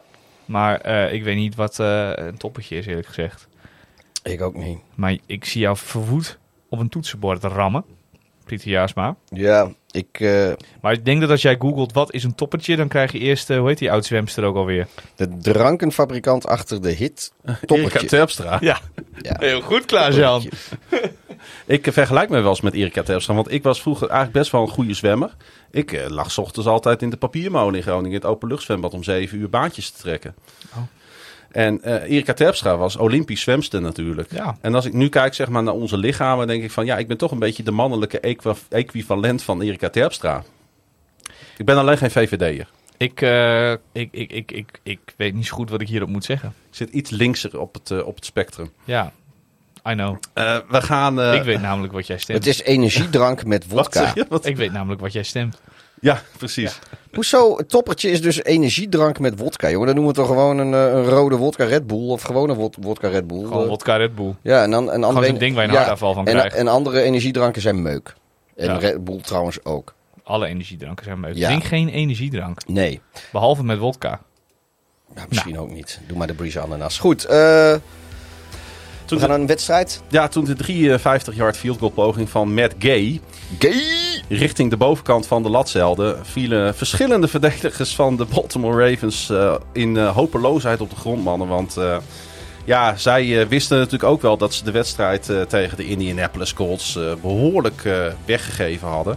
Ja, en een nederlaag tegen de Colts komt altijd net wat harder aan in, in Baltimore. we kennen natuurlijk allemaal het verhaal hoe de Colts ooit in 1984 als een dief in de nacht in uh, 28 vrachtwagens stapte. En Mayflower uh, vrachtwagens. Ja, overnacht uh, de hele franchise verhuisde van Baltimore naar Indianapolis. En dat steekt nog altijd een beetje. Dus een verlies tegen deze franchise steekt nog wat meer. Het was nat, het was wild, het was vol met fouten.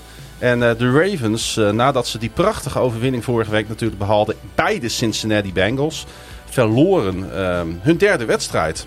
En ehm, ik denk dat je wel kan stellen dat de fouten in alle eh, facetten van de Ravens zaten. Het zat op headcoaching, het zat bij onze eh, 260 miljoen quarterback. Het zat, eh, het zat overal, Pieter. Het zat zelfs bij Justin Tucker.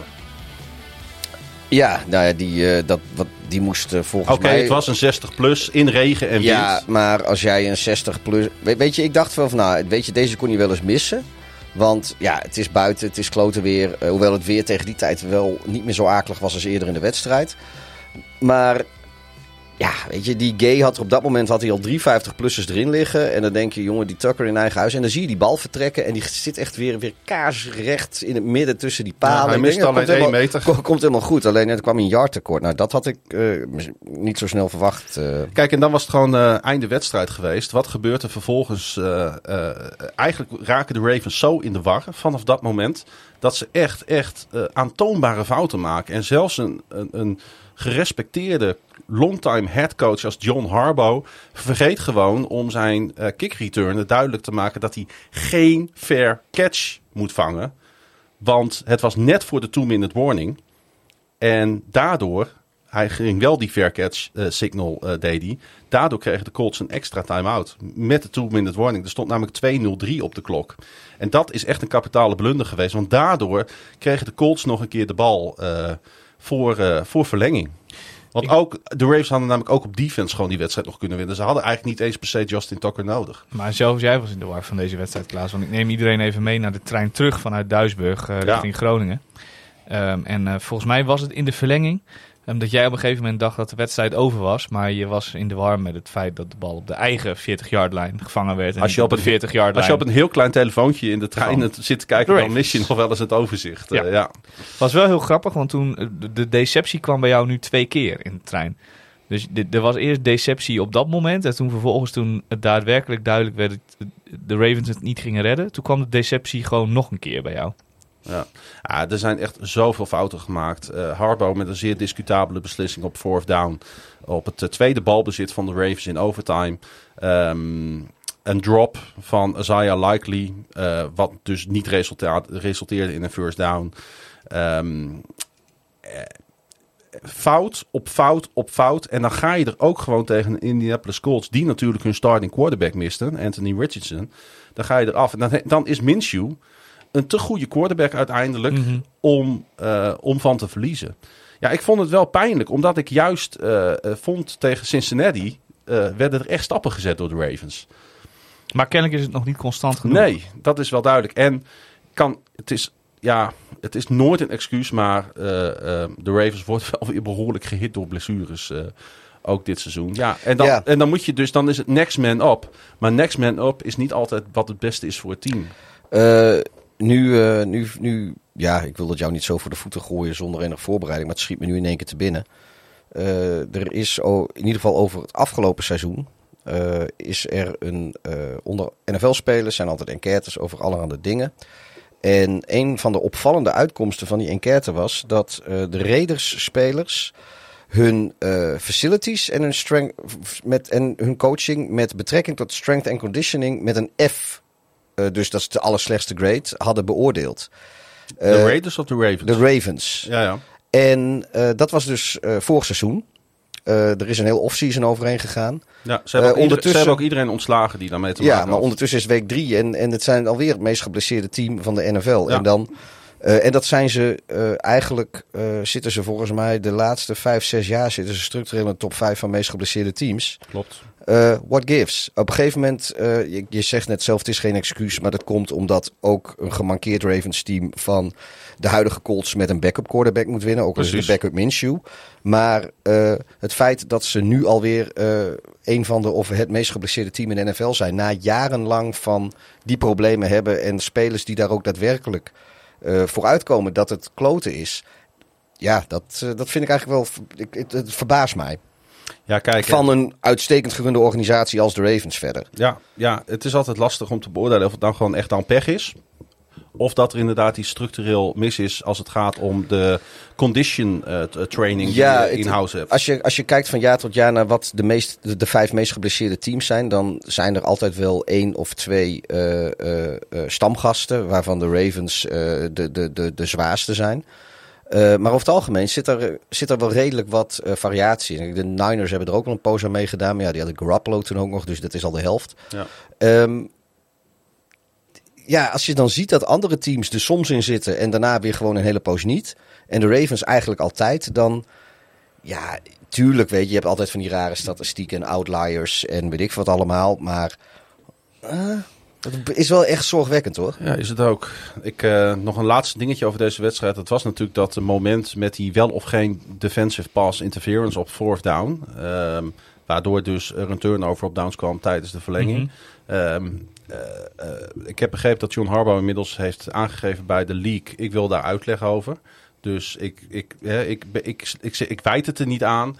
Ik, ge, ik gebruik het niet als excuus. Maar ik wil wel graag weten wat jullie van deze play vonden. Ja, wij hebben er een aantal keren naar zitten kijken. Ja, Op- ik zei meteen pass interference. ja, op Safe Flowers, het was het ook. Ja, en dan krijg je net, en dat zul je altijd zien. Maar weet je, als je dat nodig hebt om deze wedstrijd Dan gaat te winnen, verkeerd, dat dan gaat er natuurlijk al Ja. iets verkeerd. Nu is, is het eh, wel zo en ook, eh, ook, ook dat, eh, dat, dat gebeurt natuurlijk wel. Niet al te ver daarvoor waren er eh, twee Ravens-spelers die beide met hun handen in een face mask van ehm, de bal draaien. Volgens mij was het Minshew zelf was geweest en anders was de running back, want ik, ik weet niet meer Ja. precies wie dat was. Is andersom ook gebeurd. Eh, ja, dat klopt. Maar daar werd eh, niet voor gevlacht. Er was ook een face mask. dat- en dan denk ik, ja, weet je, daar doe je dan weer niks mee. En ja, nee, weet je, het, is. maar, ja, het- Harbo heeft gelijk. Ja. Als hij duidelijkheid wil over die pass interference regels. Ik, ik zit te twijfelen namelijk. En dat is niet omdat het wel of niet duidelijk is, maar omdat het ondertussen mij ook niet meer altijd duidelijk is wat het is. Juist. Is, ik had zoiets van, ja, dit is waarschijnlijk gewoon een bam-bam play. En alleen het lelijke is, eh, als je verliest, dan klink je als een zure verliezer. En, maar Harbo kennende had hij, als ze gewonnen hadden, waarschijnlijk alsnog wel gezegd van, hé, en dit dan. Ja, eens. Eh, hoe dan ook, eh, de Ravens moeten terug naar de grote tekentafel. Want eh, ehm, eh, van, van alle goede dingen die we in de tweede week van hun hebben gezien, was heel weinig meer over. En natuurlijk ook kudo's aan de Indianapolis Colts, die dit op een fantastische manier hebben opgepakt. In, in, in, in, in afschuwelijk weer naar Baltimore moeten en daar gewoon de overwinning wegsnaaien. Ja, Ja, terwijl de Colts eigenlijk toch vooral de route van Baltimore naar Indianapolis goed kennen. ja, daarom. Hey, eh, de, de, eh, Josh Allen eh, die gooide weer lekker voor een touchdown. Hij rende er weer een binnen. We zitten weer naar de ouderwetse Buffalo Bills te kijken. hè? Bijna weer een shutout als, als ze niet Ja. helemaal in het, wat is het, nog een handjevol seconden op de klok zo'n beetje. Nog even een, Klopt. een eretreffer. Ja, deze wedstrijd was heel snel gespeeld. Het stond heel lang 16-0 op een gegeven moment. Er gebeurde eigenlijk toen niet zo heel veel. Toen vielen de wielen echt van de wagen Ja, bij, eh, precies. bij de com- Commanders. Ja, de Bills hebben gewoon even hun tegenstanders eh outscored. 75-13 sinds ze verloren in, bij de New York Jets. Dus over de afgelopen eh, twee weken. Ehm, ja, eh, ze hebben wel geantwoord hè, op die slechte week 1. Nou ja, wat, wat we zeiden over de Jets-wedstrijd eerder deze podcast. Als je, het is eigenlijk verbazingwekkend dat, eh, dat de Bills daar toen niet hebben kunnen winnen van eh, een, een eh, Zach Wilson-led Jets-team. Ondertussen, we zijn nog maar drie weken of twee weken verder eigenlijk sindsdien. Maar ja, het is wel een beetje duidelijk geworden dat het voor beide teams eigenlijk een incident was. zoals je ziet hoe het seizoen tot nu toe voor die teams verloopt sinds die wedstrijd. Want ja, de Bills zijn eigenlijk gewoon de Bills zoals we ze kenden. Of zoals we verwacht hadden dat ze zouden zijn. Ja. Eh beren sterk. Veel intercepties voor Sam Howell. sterk. Eh, iedere, ieder kwart een interceptie, Pieter. Ieder, Sam Howell. oh ja, dat is eh, zo'n mooi statistiekje. Hij had eh, in ieder van de vier kwarten had een interceptie. En eh, dat is sinds 2015 is dit de vierde keer dat dat gebeurt in de NFL. Maar dit is de eerste keer sinds 2015 dat het gebeurt. En de quarterback die de intercepties gooit is niet James Winston. Ja. What the fuck? Die heeft, eh, James Winston heeft dat dus in de afgelopen acht jaar al drie keer gedaan. Wat al heel bizar is. Eh, en eh, nou ja, goed, nu. eh, En toch, toch, toch, gebeurt Howell, ook, toch, toch gebeurt hier ook iets wat in New York het probleem is. Ehm, pass protection. En het is echt zo, we zitten in een leaguejaar op de een of andere manier dat we heel veel sterke defenses hebben en heel veel zwakke offensive lines. En dat is in Washington niet anders. Ehm, en natuurlijk kan Howell zichzelf ook helpen door gewoon een bal eerder weg te gooien. Hij, ik zag op een gegeven moment een play terug eh, dat hij gesekt werd, maar een hele goede eh, checkdown optie op de rechter flat had eh, op eh Diami Brown. Vervolgens doet hij dat niet, wordt hij neergehaald op de 33 yard line voor een verlies van 8 yards op first down. Ja, dat zijn gewoon echt fouten die je niet mag maken in de NFL. Het zijn, Dat kan gewoon ja, niet. Het, het zijn twee dingen, denk ik, waar het vooral aan ligt. En dat is, eh, het valt natuurlijk eh, de laatste seizoenen best veel op. Maar het is eigenlijk van alle tijd, of van al, zeker nu de passing game, veel belangrijker is geworden in de NFL. En veel meer teams veel meer eh, voor de passing game gaan. Quarterbacks die van college naar de NFL gaan, die eh, beseffen zich, of die kunnen zich gewoon niet beseffen hoe het, in hoe het is om in een competitieve, competitieve NFL-wedstrijd te spelen. Eh, hoe snel de pass rush bij je is. Dat is iets wat, wat, waar, waar ze altijd moeite mee hebben. En het tweede, en dat is misschien nog wel het lastigste. Dus het pressiepercentage ligt veel hoger. Ja, maar, Ja. eh, maar dus, dus ze worden eh, veel meer onder druk gezet om een beslissing te nemen. En dat speelt meteen het volgende punt, wat misschien eh, het echte probleem is. Je hebt college open en je hebt NFL open. Het is iedereen die een beetje een, bal kan gooien. En dat zijn alle 64 eh, quarterbacks eh, die zich aankleden voor een, eh, voor een speelronde. Dus de, zowel de starters als de backups van alle teams. En dan zijn er nog een shitload aan quarterbacks die op practice squad zitten of, of werkloos thuis. Die het ook gewoon kunnen. Maar een speler, een receiver in college, als je wat vaker op college voetbal kijkt, wat ik ook een beetje doe nu. die zijn open, vaak lang en veel. Die windows zijn groot. In de NFL, als jij denkt dat een speler open is en hij is 20 of 30 jaar bij je vandaan. Als hij denkt dat hij open gaat komen, moet je gooien. Want eh, op het moment dat jij ziet dat hij daadwerkelijk open is, dan is hij al niet meer open op het moment dat de bal bij hem is. Of Ja. het moet een Tyreek Hill zijn die zeg maar op snelheid iemand voorbij loopt. Dat zag je ook bij die interceptie van Ebenezer van de Bills. Toen echt alle toeschouwers die er nog waren de uitgang gingen opzoeken in, eh, in- op FedEx Field. Eh, dat Sam Howell dacht, Ja. die bal kan ik wel gooien. Nou, absoluut dus niet. En natuurlijk een beetje desperation mode, maar... Receivers die, die in de NFL, NFL open zijn, zouden in college nooit een bal krijgen. Ja, inderdaad. Eh, maar eh, de Bills eh, moeten we weer ernstig rekening mee gaan houden. En eh, ze, zijn, ze staan gewoon bij de top van de AFC. Ik denk dat we dat wel kunnen constateren. hè? En de Washington heb, Commanders ik- staan weer ik- met de voetjes op de vloer. Ik, ik heb nooit gedacht dat ze er niet meer waren. Die week 1, dat... ja, nee. Muziekje. Eagles, Buccaneers. Jalen Hurts die met griep speelde. Oh, de Eagles. Was dat niet De die... flu game. Ja. Ja. Maar de, de Eagles, was dat niet die wedstrijd waar eh, Swift en Kelsey eh Ja, Allebei op veld stonden. Ja. Ja. Nou, Ja. goed. Maar wel DeAndre Swift. En Jason. en Jason Kelsey. Nee, eh, de, de halve selectie van de Buccaneers, begrepen we na afloop van de wedstrijd, speelde met griepverschijnselen. Corona. En daar was, eh, Ja- het zou zomaar kunnen, ja. En Jalen Hurts, die was daar één van. En eh, ja, hier zie je dan toch ook wel weer eh, wat, wat deze man kan. Want eh, hij zei na de wedstrijd, hij zei, ja, maar weet je, ik had griep en ik voelde me ongelooflijk rot. Maar als je gewoon execute, als je gewoon uitvoert wat je met elkaar afspreekt... en als je gewoon doet waar je goed in bent, dan win je gewoon wedstrijden. En op een regenachtige maandagavond in Tampa Bay lukt ze dat tegen een 2-0 team. Niet te vergeten. Ehm, Het is wel zo'n eh, zo'n typische NFL-maatstaf, hè? Over als je wil kijken hoe goed een team is. Maakt niet, maakt niet uit wat ze in het verleden allemaal gepresenteerd hebben. Of Mm. gepresteerd hebben. Je kan 70 punten op het bord zetten. Maakt allemaal niet uit. Je kan Super Bowls in je broekzak hebben. Maar kun je het op een regenachtige maandag in Tampa? Dat is een vraag. Dat is, het, dat, is, dat is zeg maar de maatstaf in de NFL. Ja. Die houden dus wel eerst regen in. Tampa, maar goed. Ja, dat gebeurt inderdaad niet zo vaak. Daarom. Nee. Hey, En eh, Florida. Nee, nooit. maar desondanks, Pieter, eh, komt deze aanval gewoon tot 472 yards. Dat is bijna dat is minder dan de helft zo'n beetje. Als Tegen wat, een wat, goede als- defense. Als, als wat de Dolphins hebben Nou gedaan. ja, ik vind, ik, misschien vond ik dit wel een van de knapste overwinningen van eh, deze speelronde. Ondanks dat het een heel goed team is, ondanks dat je weet dat zij van 2 naar 3-0 kunnen gaan, ondanks dat je weet dat de Eagles beter zijn dan de Buccaneers, vond ik het toch wel indrukwekkend. Eh, ze, ze kwamen heel moeilijk op gang.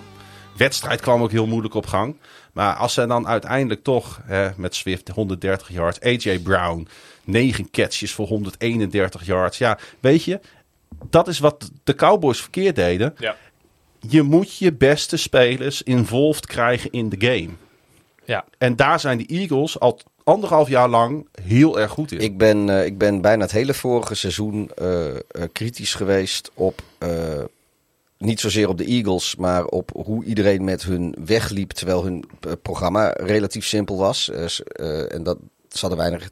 Dit seizoen hebben ze, vind ik, al meer laten zien. Na drie weken dan. Voor wat betreft in- in- indrukwekkende overwinningen. Dan vorig seizoen na tien weken. En er zullen er vast weer Eagles-fans zijn die me ook daar weer gaan bekritiseren. Dat ik Ze hadden wel een paar knappe comebacks natuurlijk ook sa- jaar. zal allemaal best. Maar eh, ik vind tot nu toe dit seizoen voor de Eagles, terwijl het eh, eh, nog lang niet altijd flashy is. eh, misschien wel minder flashy ook dan voor het vorig jaar veel was. Ik vind dit seizoen Mhm. tot nu toe veel knapper. Ik, vind, ik denk dat deze Eagles sterker zijn dan die van vorig jaar. Dan ga ik jullie gewetensvraag stellen. Wat jee. is, wat is op dit moment het beste team in de NFL? Er zijn drie teams die op 3-0 staan. Wat is het beste 3-0 team? Is dat San Francisco? Is dat Philadelphia? Of is dat Miami? Wat is het beste 3-0 team in de league? Van die drie? Ja. Miami. Ja, dan denk ik toch Miami. Ge- Na week drie ook, hè? Ik, eh, kijk, de, de, de bizarre manier waarop Miami... Niemand heeft het over die 20 punten van de Broncos, hè? Hoheem. Die hebben ze wel tegengekregen. Ja. Goh. Ja. Ja, ehm, is een beetje een grapje dit hoor. Maar eigenlijk ook weer niet. Want ik vind de Eagles wel een fucking compleet team. Je, je, je weet dat, dat, dat, die, eh, dat ze in principe hadden ze de Broncos gewoon op, op 13 gehouden. En die 7 punten van Nee, de Broncos, die wel, laatste, dat die, dat was diep in het vierde kwart. Was zo, al zo garbage time tegen, tegen de second stringers. Maar eh, Dolphins dus boven eh, de San Francisco 49ers ook? Ja. Eh, ja, weet je, de, de, de Dolphins die hebben dus eh, ja, 36, 24, 70. Dat zijn de punten die ze op het bord zetten. Maar dan tegen de Chargers, Patriots en de Broncos. Ik vind, nou ja, dat is op zich wel indrukwekkend. Maar de manier waarop vooral. Ik bedoel, eh, als die run game, zoals natuurlijk het was, het was tegen, de, tegen de Ze Broncos. zijn, ze zijn gewoon niet te stoppen. Er is zoveel mogelijk. Tua die heeft met zijn rechterhand een touchdown paas afgeleverd. Als, als die jongen dat al gaat doen. Ja. Nee, ik, ik zeg niet dat aan het eind van het seizoen of over het hele seizoen de, de Dolphins het beste gaan zijn. Maar kijk, eh, zeker eh, de, de Eagles zijn, ondanks dat ik dus een overwinning heel knap vind, zijn ze wat, wat stroefjes gestart. Hmm. Ehm, die het kan best zijn dat als je me de, in week 6 dit weer vraagt, dat ik, dat ik wel gewoon de Eagles zeg. Maar jij misschien niet. Maar op dit moment, na drie weken, vind ik eh, de Dolphins het sterkste team. Nou ja, goed. eh, ik heb heel veel respect eh, eh, gekregen na deze wedstrijd voor en Jalen Hurts. eigenlijk de. Chiefs trouwens nog steeds. Maar dit is geen 3-0 team. Nee. Ik denk dat is nog steeds mijn nummer 1. Ja. Eh, Oké, ja, nou, komen we zo nog even op. Hey, ehm, eh, Brandon Graham, eh, defender bij de Eagles, die grapte na de wedstrijd eh, dat dit, eh, dat dit eh, nou, hij vergeleek Hurts met Mike, met eh, Michael Jordan omdat die natuurlijk een keer eh, met eh, gigantische griep 38 punten voor de Chicago was in, Bulls. eh, in New York. ja, Ja. tegen de, tegen de, De flu game tegen Patrick Ewing. Ja. Dat was toch op de Utah Jazz? Nee. De flu game. was- De flu game. Hij, hij Ja. zal vast wel eens vaker met een sniffeltje gespeeld hebben. Maar de flu game was NBA in New York. Finals, NBA Finals eh, 1997. Ja, dat zal de Utah Jazz geweest Dat zijn. was de Utah maar Jazz. Michael Jordan's flu game was een regular season wedstrijd eh, in, in Madison Square Garden tegen Ja. de Knicks. Dat was de flu game van Mike. Of nu moet ik heel erg ernaast zitten met mijn Zo, Bulls-kennis. zo episch trouwens was het niet, hè? Want eh, het was wel een up-and-down game hoor voor Hurts uiteindelijk. Eh gooide rende voor een touchdown, gooide ook een paar intercepties, maar had wel een paar plays weer. Ja, om je vingers bij af te likken. Echt wat, wat die man in tight windows kan gooien, Ja. dat is echt niet normaal. En zijn terugkeer in, in Tampa had natuurlijk eigenlijk ook betekenis, hè? Want ja, de laatste keer dat hij daar stond was natuurlijk wel een 31-15 playoff verlies van de Eagles tegen de Buccaneers. En Tom Brady die dat jaar eh, natuurlijk de Super Bowl won. Ja. En ehm Hij is gewoon heel goed. hij Hurts gaf aan ehm, na de wedstrijd. Een assistant coach van de Buccaneers heeft, eh, had, was mic'd op tijdens die wedstrijd. En heeft toen gezegd, deze jongen, deze jongen is Jalen Hurts, kan de verdediging niet lezen. En Die heeft wel een beetje ongelijk gekregen eh, Daar, daar, ondertussen. daar, daar, Hurts Zo. zegt, daar heb ik zoveel inspiratie uit, uit gehaald en van gekregen dat ik dacht van ja, de volgende keer dat ik in Tampa kom, dan zal ik ze eens even laten zien of ik verdedigingen kan lezen. Ja, nou ja, die, die, ja, weet je, je hebt wel vaker dat je naar eh, iets over een speler zegt of naar een speler kijkt en er iets van vindt dat het later niet waar blijkt te zijn. Maar wat, eh, dit is wel echt 180 graden gedraaid. Yannick, Pieter, sinds dat verlies, het verlies van de Eagles tegen de Buccaneers in de playoffs, is Jalen Hurts als startende quarterback in de NFL 17-1. Ja, misschien wel. eh, nee, Mahomes is de beste quarterback in de 17 Maar- overwinningen, ja. 1 nederlaag. Iedereen heeft het over Patrick Mahomes. Maar de cijfers zijn echt ook absoluut... Ik wil ze niet eens Hij vergelijken. hij is bizar constant. Dat, Ja. dat is zijn sterke punt. En, en eh, weet je, eh, cijfers spreken in dit geval wel voor zich. Ik, ik ben niet altijd van... Iedere statistiek eh, zegt, eh, hè, zegt, zegt... Zijn altijd... Je kunt van alles van statistieken vinden. Maar in 18, over, maar in 18 wedstrijden de 17 winnen... Ja, dan doe je echt, echt, echt iets goed. Ehm, jongens... De Jacksonville Jaguars hebben het eh, moeilijk. Op papier dacht ik toen dit seizoen begon dat het toch een van de beste aanvallen van eh, de league misschien wel was. Maar turnovers, penalties, drop passes, mental errors ehm, en nu back-to-back losses. 37-17 thuis in Jacksonville tegen de Houston Texans. Het is eh, vooral de tegenstander en de manier waarop. Kijk, dat je, dat je, dat je niet uh, denderen aan het seizoen be- begint oké. Maar uh, dit... Dit Ik begin toch ernstig te twijfelen aan het off-season vooral van de Jaguars. Want het was daar heel stil, dat hadden wij al geconstateerd. Ze waren natuurlijk het jaar daarvoor en zijn ze helemaal losgegaan op de markt. Zij hebben ongeveer dezelfde aanval staan als vorig jaar. Daar hebben ze niet zoveel aan gedaan. Vond ik eigenlijk wel terecht. Ze hebben alleen natuurlijk uh, Calvin Ridley erbij gehaald. Wat ik een geweldige toevoeging vond. Uh, maar die de afgelopen twee weken ook uh, weinig betrokken wordt in het spel. Ja, Trevor Lawrence is ook, oh, is ook niet heel denderend. En weet je, nee. En, en nou ja, we, we, kunnen ook moeilijk gaan, gaan roepen dat, uh, dat we dit aan zagen komen. Zeker, nou ja, jij bent sowieso, uh, heb jij uh, de, de Jaguars veel geprezen in deze podcast voor, voor het huidige seizoen. Ja. Uh, ik kan mijn en uitspraak, natuurlijk ook naar aanleiding van vorig seizoen. Ik kan een uitspraak van mezelf herinneren dat uh, ik het uh, heus wel zag zitten in de Jaguars. Maar dat ik wel dacht dat zij samen, dat de Titans ook wel een woordje mee zouden spreken voor de divisie. En dat de Colts en de Texans zouden gewoon, eh, daar had je niks aan. Maar dat zijn wel de twee teams die daar nu bovenaan staan in de divisie. Ja. En die de, afgelopen de, weekend gewonnen ja, hebben. De, de Titans ja. en, de, en de Jaguars, die staan gewoon, het, het, is nog maar na drie weken, maar nog, het is, ze staan gewoon redelijk roemloos onderaan. Um, maar er is nog een probleem, Pieter. En dat is de pass rush uh, van de Jacksonville Jaguars. Ik was na week 1 was ik nog wel enthousiast over Josh Allen. Maar ik denk toch wel... De echte Josh Allen bedoel je? De echte Josh Allen, inderdaad. Mm -hmm. Maar ik denk dat je ondertussen toch wel moet constateren... dat, um, dat ze het niet op orde hebben... en dat hun draft picks keer op keer niet leveren... wat ze ervan hadden verwacht. En dat zijn allemaal hoge draft picks. Uh, eerste ronde... En ze pakken er eigenlijk helemaal niks van. Ze hadden Calais Campbell en Yannick Ngakwe op, uh, op uh, visite afgelopen offseason. Hebben ze allebei niet getekend, hebben ze niet voor gekozen. Ik, ik Als je nu de... naar die passwords kijkt, ik denk dat Calais Campbell en Yannick Ngakwe een verschil hadden kunnen maken voor de Jacksonville Jaguars. Uh, nou, ik heb al drie wedstrijden lang zitten naar Yannick Ngakwe te kijken. En ik geloof dat ik... Uh,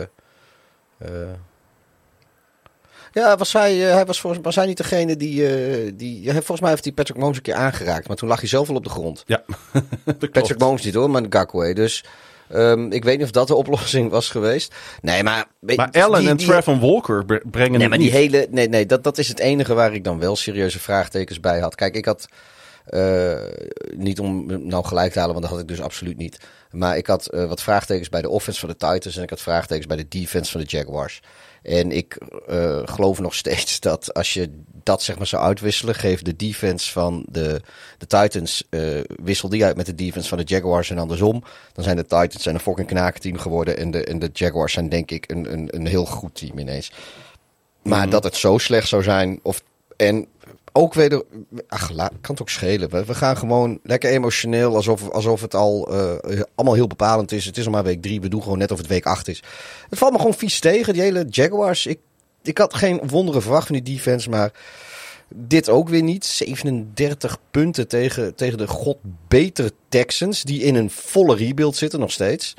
En het andere ding is, ja, die offense Ridley, ja, vind ik ook gewoon een triest, trieste zaak. Nee, maar Calvin Ridley ben ik echt van overtuigd als receiver. Mhm. Week 1 had hij acht passes voor 101 yards en een touchdown. Hij ving in de afgelopen twee wedstrijden vijf ballen voor 72 yards. Hij liet twee potentiële touchdown passes liet hij vallen. Hij, had twee, eh, hij kreeg twee full start penalties tegen. Sorry, maar daar ben je met, de kop, met je kop gewoon niet bij. En, Nou, daar help je quarterback niet mee trouwens. Nee, en eh, Jamal Agnew, eh, die vorig jaar natuurlijk die fabelachtige eh, eh, kick return had. eh, Wie heette er toch Agnew van voornaam? Dat is zo'n hoofd uit Futurama. Een of andere president. Nou, dit gaat over Jamal Agnew. Ja, wat Ja. het hoofd van Pieter af en toe heen gaat. Je ik weet kijkt, me aan met een blik alsof ik dit moet weten. Oh, maar ja. Futurama heb ik echt nog nooit gezien. Oh, oké. Nee, ik kijk liever dingen met echte mensen. Eh, maar die heeft nu back-to-back wedstrijden heeft die fumbles eh, verloren.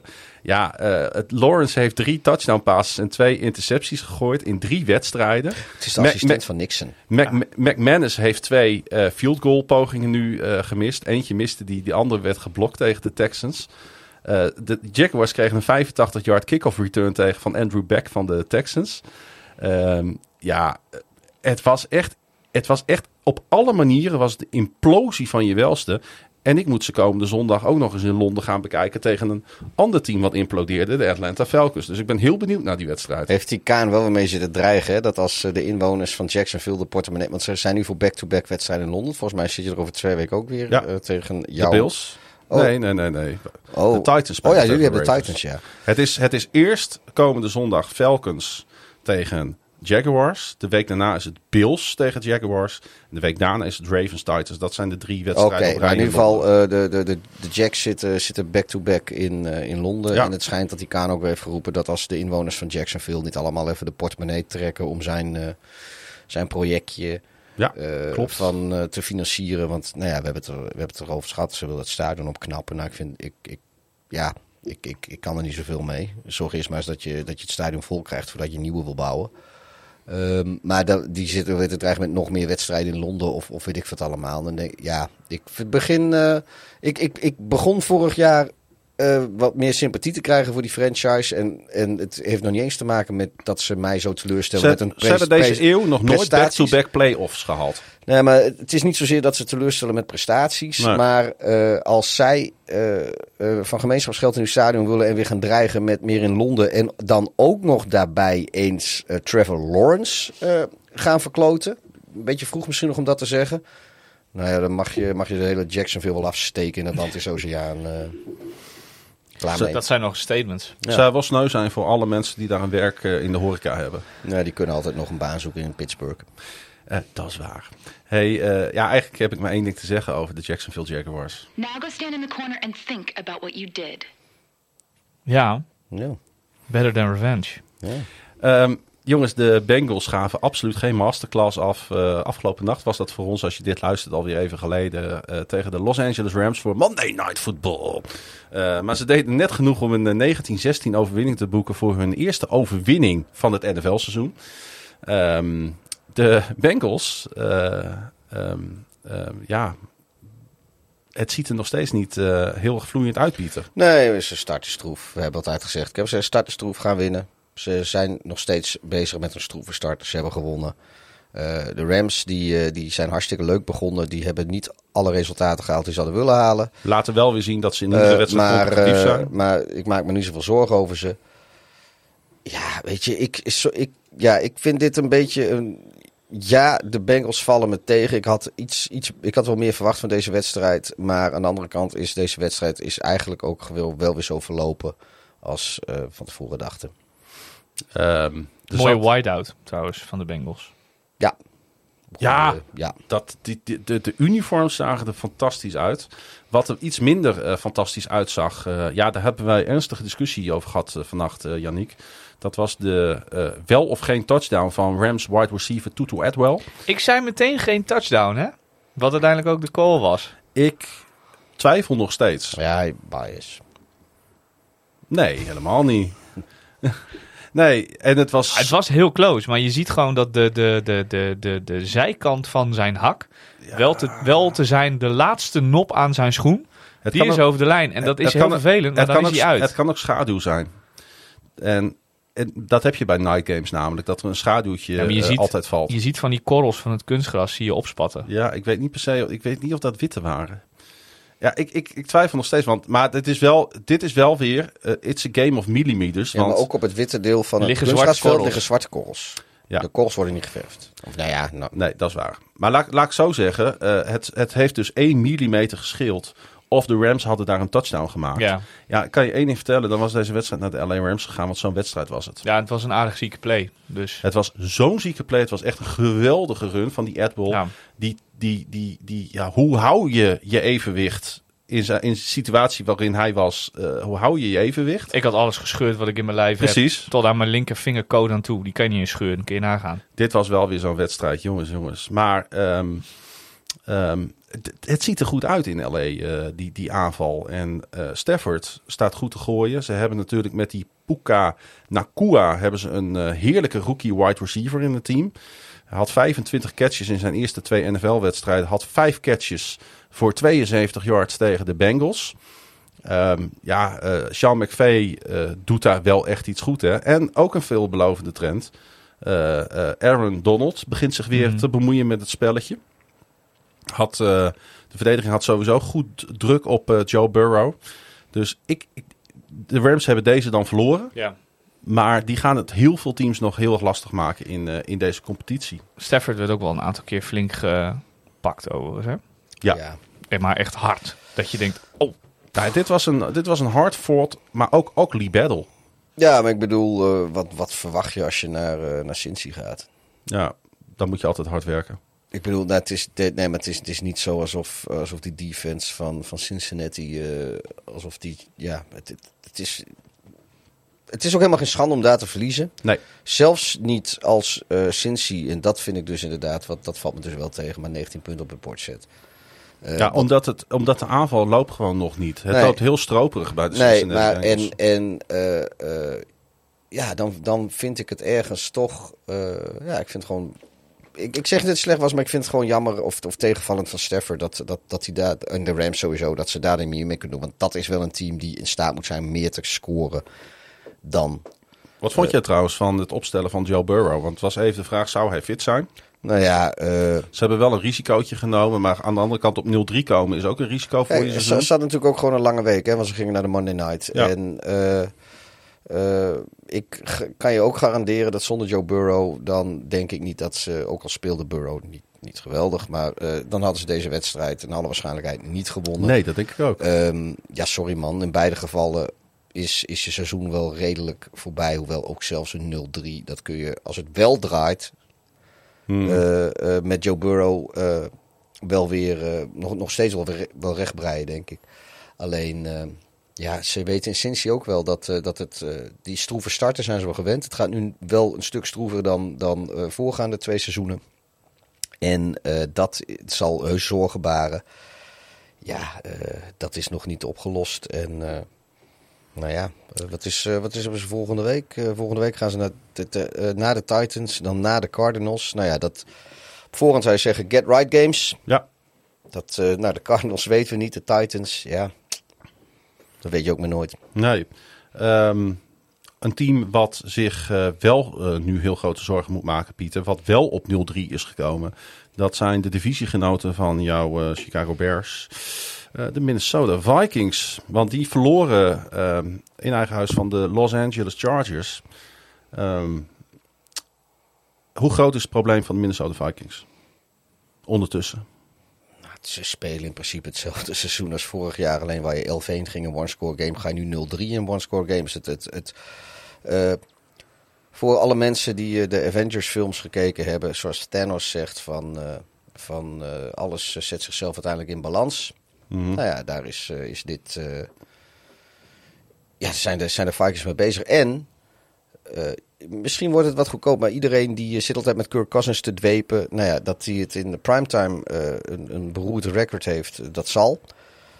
Maar wat ook zo is, als hij onder echte druk komt, dan wordt het raar. En nu ook weer, weet je. Dan kunnen ze, ze kunnen die wedstrijd gewoon nog winnen. Hè? Want de Chargers doen er alles aan om die wedstrijd weer weg te choken. Ze, ze doen echt alles.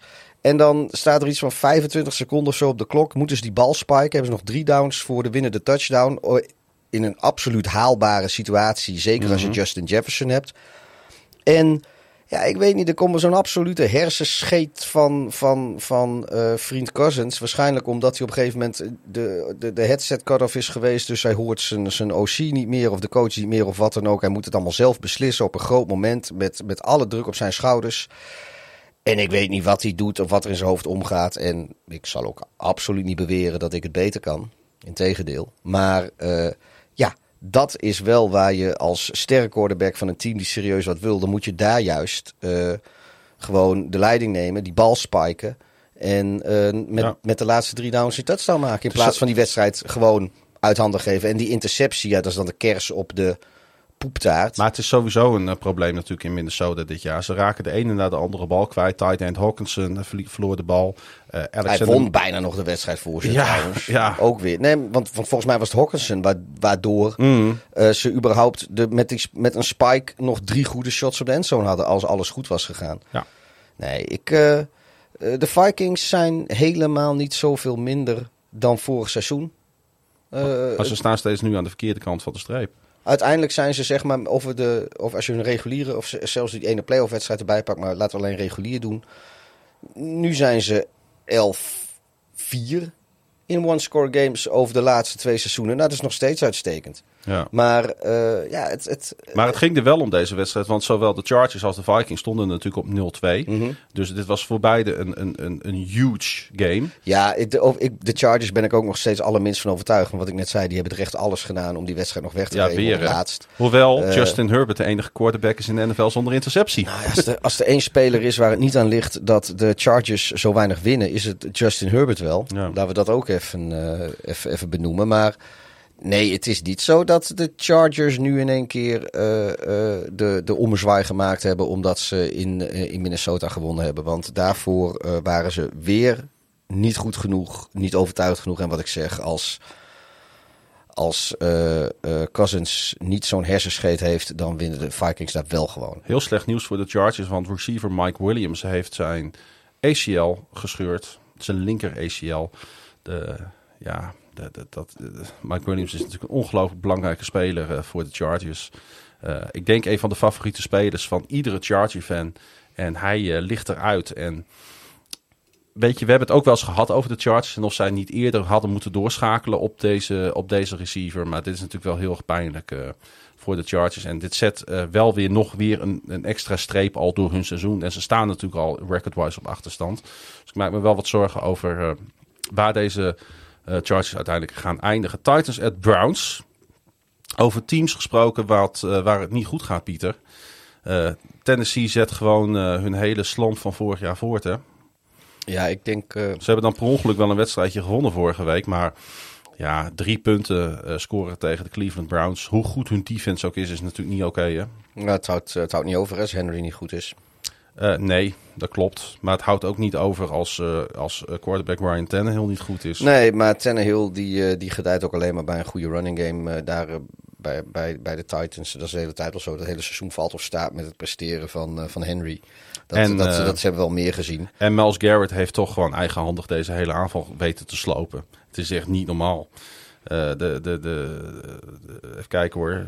Ta- Tannehill had volgens mij zijn laagste output ehm, eh, ooit. 94 yards.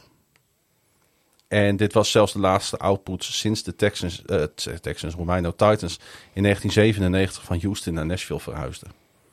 Ja, ja ik, eh, Garrett 3,5 sacks, 5 quarterback hits. Ze, ze hebben Garrett ook eh, volgens mij aan beide kanten van... eh, ze, de, ze wisselden de hele tijd van links naar rechts met hem. En daar konden de Titans gewoon helemaal niks mee. En, en Tannehill ook niet. Uiteindelijk, Pieter, eh, want Deshaun, Deshaun Watson had een paar verschrikkelijk lelijke plays.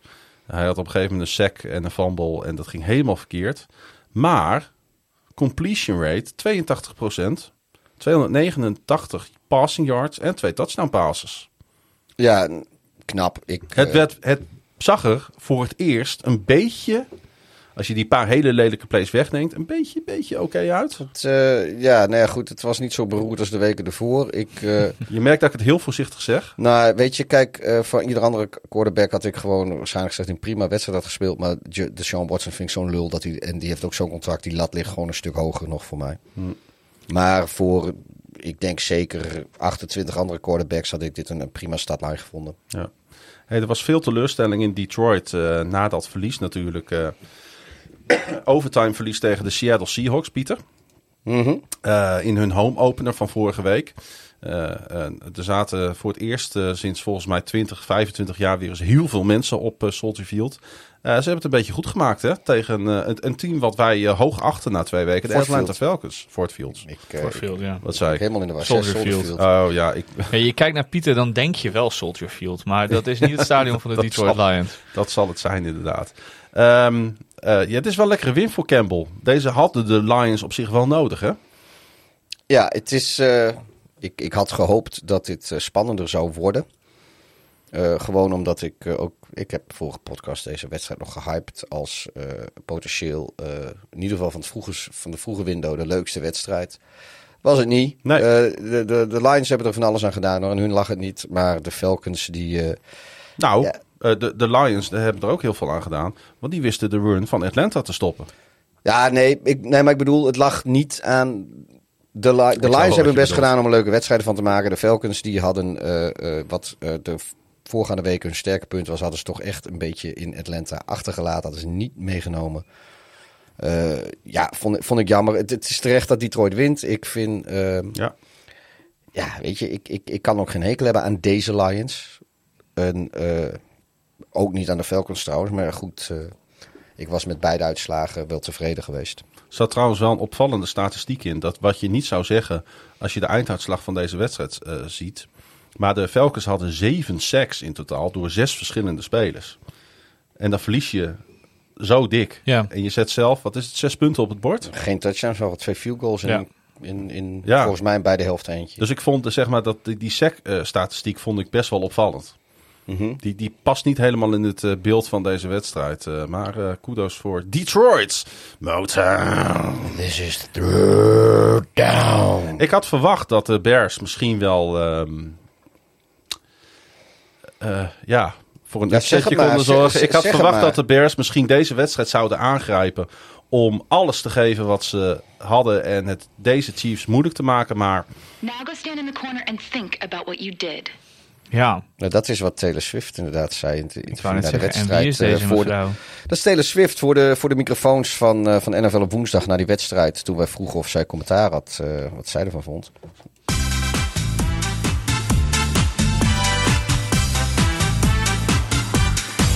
Want eh, daar komen we ook bij jouw uh, biertopper van de week. Week, week, week, week. Pa, pa, pa, pauw. Now go stand in the corner and think about what you did. Taylor Ja, Swift. Taylor Swift is, eh, is mijn biertopper van de week. Ik ben er helemaal klaar mee. Het gaat alleen maar over dat mens. Ja, nou, maar da- dan... Het helpt dan ook niet mee dat Taylor, eh, Taylor Swift en ik, moet maar- dat zou ik willen, dat eh, Pieter en ik eh, twee verstokte Taylor Swift fans zijn. Dus ja, Ja, ik eh, ben een enorm Taylor Swift fan. En eh, nou, niet alleen dat. Ik, eh, ik heb zoiets, weet je, je moet dit gewoon even omarmen. Want eh, des te eerder kun je er ook gewoon mee leven. En laten we nou maar gewoon even heel veel aandacht geven. Dan, dan is het ook leuk. En er komt bij, gewoon voor biertopper technische redenen. Taylor Swift is volgens mij meer in beeld geweest dan welke speler dan ook. ja. Ja, dat is waar. Terwijl Dus, de eh, Chiefs voor het eerst dit seizoen eens een keer leken weer op dat team. eh, wat vorig jaar natuurlijk de NFL aanvoerde in scoren. Ja, Maar dat... Hoe zou dat nou komen? 312 yards in de eerste helft, 34-0 Pieter. Wat dacht jij toen? Nou, ik, eh, ik dacht van... eh, zou, zou Justin Fields deze, deze wedstrijd de 100 yards halen? Passing. Ehm, is niet gebeurd eh, trouwens, eh, spoiler alert. Nee, joh, weet je, het, is, het was gewoon echt een ab- absolute troep. De, de Bears, en dus oprecht, die leken op het team die niet wisten wat ze te zoeken hadden in de NFL. Ze leken niet op een NFL-team. De, de Broncos die hebben 70 punten op hun flikker gekregen. En ik heb lekker Sean Payton af zitten zeiken, want dat vind ik altijd leuk. Eh, maar de Broncos zagen met 70 punten op de kloten er competenter uit. En ook meer uit alsof ze wilden zijn waar ze waren, namelijk in de NFL.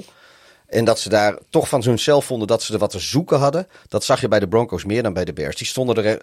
Sorry man, dit leek er als weiden stonden. Ja. Ik zou net zo verdwaasd om me heen staan kijken als ik, als ik zo'n rode storm van de Chiefs eh, over me heen kreeg. En als dan mijn medespelers dingen doen met wel of niet met een bal die wel of niet... Ik zou, eh, wat doe ik hier? Nou, zo stond die halve Bears offense bij. Het was... eh, ik kan er niet eens meer verdrietig van worden. Nee, maar dat is, eh, dat is verdrietig aan zich, zeg maar. Dat je er niet Ja. meer verdrietig Hey, van het kan is worden. week drie en eh, we kunnen ons vol focussen op de draft. Ja, maar dat is natuurlijk niet oké. Nee, tuurlijk is dat niet oké. Nee. Maar wat, ik, ik, kan, ik kan wel, wel verdrietig worden. Maar ik heb het voor het weet je. We hebben... Hey, eh, er zijn een handjevol teams zijn in 0-3. En eh, van twee van, die, eh, van dat handjevol teams hebben de Bears de eerste ronde pick. Dus uh, huppatee, pick 1 en 2. eh Caleb Hm. Williams, Marvin Harrison Jr. Bam, volgend jaar staan we er. Wilde wel even een... eh, Pieter. Ik wilde wel even een Patrick Mahomes eh, statistiekje bijhalen. Hij heeft eh, nu 25 yards, 25.000 yards op zijn naam staan. Ja. Daar had hij 83 wedstrijden voor nodig. Eh, de quarterback die daar het snelst in was, die Tot tot, nu toe. 25.000 yards kwam, was... Dan Marino? Nee. Mag nog een gokje doen? Eh, nee, geen idee. Matthew Stafford. Oh, Wie, dat vind ik een verrassende naam. wie was de, de, de vijfde quarterback die op 25.000 yards van wedstrijden? Mijn god. Eh, Jay Cutler. Hij is nog steeds actief. Joe Flacco. Het is, nee, hij is nog steeds actief. Ja, Joe Flacco is nog hij steeds start actief. op dit moment voor een NFL-team. Ehm, even nadenken hoor. Eh, Jared Goff? Jared Goff. zo. Jullie kennis is af en toe adembenemend. Dit is zo'n moment. Ja, maar eh Goff is niet de speler die je erin verwacht. Nee. In de, Nee, in de top daarom juist. Dan hebben mensen hem niet goed gevolgd in zijn tijd bij de LA Rams.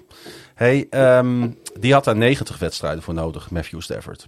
Eh, Patrick Mahomes nu 83 wedstrijden. Ja, wij kunnen wel iedere week iets bedenken natuurlijk om de legacy van Patrick Mahomes nog Is wat die, meer... eh, is die eh, Amsterdam Admiral legende? Zit er ook, eh, zit ook in het rijtje volgens mij. Die is drie of vier. Kurt Warner. Dat zou zomaar kunnen, ja. Volgens mij staat die, die stond Ik denk ook dat je daar gelijk in hebt. Die stond ook hoog in die rij. die zal er ook in staan. En volgens mij stond hij voor vriend Goff. Dus hij moet nog steeds in de top 5 Ja. staan. Hey, er zat een raar moment in deze wedstrijd. Eh, op een gegeven moment eh, was de rust eh, naderde. En toen kozen de Chiefs ervoor om er toch nog even lekker voor te gaan. Ja, mijn, de, of nou mijn, onze MVP-leden, die weten mijn mening daarover. Want die heb ik toen in de rust, heb ik die volgens mij al driftig zuigend aan een sigaret, ik eigenlijk helemaal niet moet roken, op de stoep van het, van het proeflokaal aan het Zuiderdiep in het Groningse stadje G. Heb ik daar eens even die telegram van mee, mee volgespeeld. Maar ik, ik vond het echt belachelijk. Want eh, de Bears, of de Bears, ja, de, de Chiefs stonden voor op dat moment met, weet ik veel, 31-0 of zoiets. Eh, eh, er was geen veldje aan de lucht. Ze hadden al hun spelers van het veld kunnen halen. En elf random mensen uit, met een Chiefs shirt van de tribune kunnen halen voor de tweede helft. Hadden ze nog gewonnen. Ze hadden Taylor Swift als quarterback neer kunnen zetten. Ja, nou, maar ja, ik denk dat die wel een aantal keer gesekt was dan. eh, dan Now go stand in the corner and think about what you did. Maar eh, ja, ze lieten. eh, het, ik denk dat er nog een seconde 25, 30 te gaan was. En ze hadden er gewoon voor kunnen kiezen om eh eh Mahomes een kneel te laten doen. En naar de kleedkamer te lopen en fuck it. En ze, ze draaiden toch nog een play eruit. En, En- ik weet en- ook wel waarom dat is. Ja. Maar. En toen, maar, Ja- toen, maar toen rolde dus opeens Yannick Ngakwe op de enkel van, die rolde van. Patrick Mahomes. die, die rolde op, op, op, op, op Mahomes. En daar zat volgens mij geen opzet bij. Maar ik kan me ook niet aan de indruk onttrekken dat in dat soort situaties, met dat soort uitslagen, Ja. dat je je dan heel erg in gaat houden. Maar er zijn dan spelers die dan zoiets hebben van ja, fuck it, nu ga ik die gozer raken ook. Weet je, dat, Ja, ja. zover ga ik niet. Dat, maar ik denk Is wel wel, zijn dat, werk. Ik denk wel dat, nou niet op die manier. Ik denk wel dat je zoiets had van, nou ja, fuck it, weet je, ik, eh, ik, eh, ik lig hier en als, j- jammer dan. Ja. Maar goed, Het deed een beetje denken natuurlijk aan die blessure die hij opliep in die playoff wedstrijd van vorig jaar tegen de Jacksonville Jaguars. Toen ja. eh Key op zijn enkel Ja. landde. En op, op- ik kreeg, eh, hij liep, hij hing Hij- te- ja, hij- op hij- exact dezelfde manier weer van het veld Hij, af. hij kwam gewoon weer terug naar rust natuurlijk om nog even, eh, even de pijn eh, verder op de bers te leggen. En Ja. dat moet hij vooral doen, want dat wil hij graag. Ja. Maar, ik denk Maar- niet dat maar- ze dit zo snel nog een keer doen. Maar eh, ik, ik, het leek er echt even op alsof zijn dag klaar was. En dan denk ik van ja, ik, ik weet eh, Patrick Mahomes, dat, dat is ook zeg maar in, in interviews met hem en met zijn familie eh, naar voren gekomen. en met Nagy, die tegenwoordig de offensive coordinator is bij de Chiefs. Die hebben allebei eh, problemen met de Bears. Ik moet eerlijk zeggen, van Nagy snap ik het. Van Mahomes wat minder, want blijkbaar is die pissed off dat, eh, dat hij als tiende is gekozen door de Chiefs en, en de Bears. eh, Ik zou hem eerder willen omdraaien dan. Eh, en de Bears, Trubisky hebben ze ook. Terwijl eh, Mahomes dacht dat hij naar Chicago zou gaan. Nou, ik denk dat Mahomes moet helemaal niet kwaad zijn op Chicago dat ze hem niet gedraft hebben. Die moet God op zijn blote knieën danken. Iedere dag opnieuw, vijf keer, eh, dat ze dat niet gedaan hebben. Want waarschijnlijk was Mahomes nu een soort van... Ja, was hij nu backup bij de Steelers geweest als, als, als ze hem gedraft hadden. Want ze hadden hem echt niet ontwikkeld. Maar goed, zij, hebben een, zij willen graag dan eh, de Bears pijn doen. En eh, hij raakt geblesseerd. En dat is achteraf misschien wel goed ook, want daardoor zijn ze uiteindelijk wel ermee gestopt. Want ik denk, weet zeker dat eh, dit die andere wedstrijd had kunnen zijn, waar zomaar 70 punten punt op bord hadden gekund. Ja. Want als je. Ja, joh, dat was het. Wacht even, 32, 33, 34, 34 0 Dat was de ruststand. En eh, ja, dat, dat had ook eh, naar de 70 kunnen gaan. Ben ik echt van overtuigd. Want de, de Broncos waren beter dan de Bears. Ze hebben één eh, probleem, denk ik, in eh, Kansas City. Dat is hun offensive tackle Jawan Taylor. Die weer met zijn kop er niet bij was. Werd ook twee keer flink uitgescholden volgens mij door zijn collega's. Omdat hij buiten de scrimmage line opgesteld stond.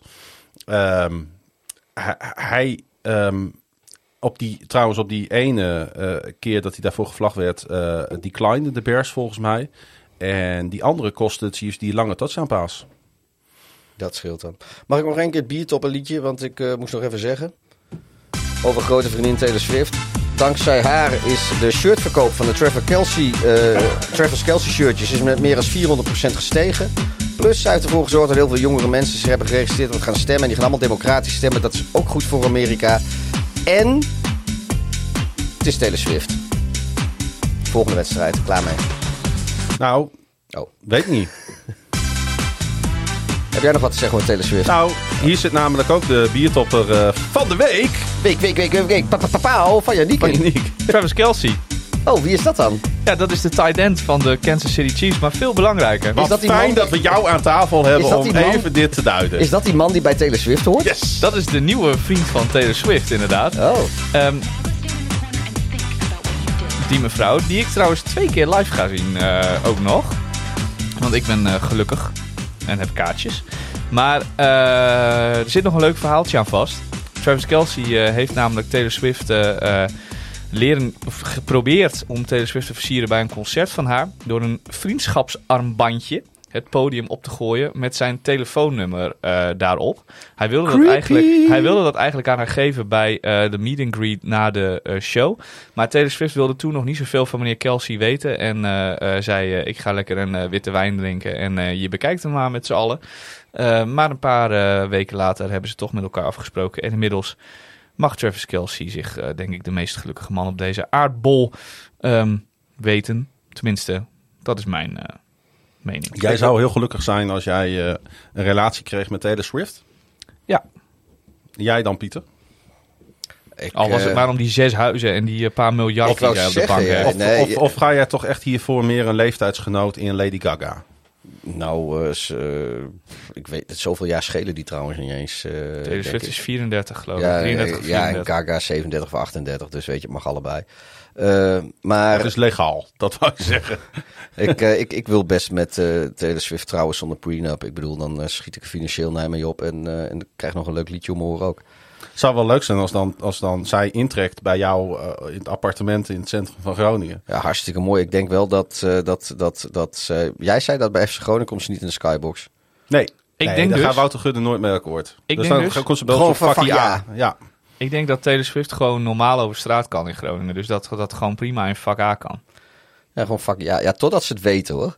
Dan, dan, dan, nou jongen, dan moet je dan die Fanatics van Groningen horen dat ze helemaal fucking nooit meer op Noord terecht kunnen. Omdat het vol staat met Swifties. Want ik garandeer je, ze kunnen eh, eh, fanatieke supporterregelingen treffen zoals ze willen. Als Swifties kaartjes we hebben, we hebben Ja, Groningen, komen wij een, eh, nergens meer tussen. Ik heb nog een dikke vette tip voor Travis Kelsey. Zorg ervoor dat je het met mevrouw Swift lang volhoudt. En als je er een einde aan breidt, dat je dat op een enigszins nette manier doet. En, want zelfs als je het op een nette manier doet, dan wordt je leven alsnog ongelooflijk zuur gemaakt door, door de Swifties. En dan bestaat er een kans dat je nooit meer een bal vangt. Omdat je zo vreselijk bang bent dat er een of ander tienermeisje vanaf de tribune jou met een steen voor je hoofd gooit.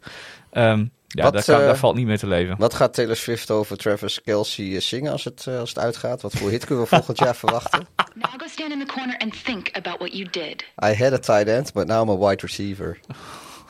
Ik wou dit niet zeggen. Ik hoopte zo dat jij dit ging zeggen. Nou.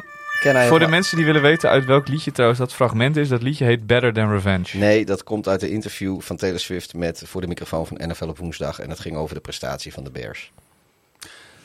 Ze staan mogelijk voor, het, eh, voor hun vijfde seizoen op rij met een backup quarterback. Slechts drie weken na aanvang van het seizoen nadat starter Derek Carr zondag met een schouderblessure uitviel in de 18-17 nederlaag tegen de Green Bay Ik Packers. vind dat die wedstrijd overgespeeld moet worden als, hij, weer- als Carr weer fit is. ja, nou ja, het stond eh, 17-0 en uiteindelijk stond het 18-17. Een van de grootste comebacks van, eh, van Green Bay in hun eh, franchise geschiedenis. Wanneer was de laatste keer dat ze voor 17-0 terugkwamen? Dat, dat eh, heb ik opgezocht. Tegen de Bears. Ehm, Week 1 2018 tegen de Bears. Ja, precies. En het is één keer voorgekomen dat ze van een achterstand van 17 punten terugkwamen in hun 100-jarige bestaan. Ehm, in het vierde kwart. Dus ze hebben één keer eerder een, in het vierde kwart een achterstand omgebogen van 17 punten. Dus dat geeft wel aan dat hier een, eh, een spectaculaire. ehm, dat het spectaculair was wat de Packers hebben laten zien.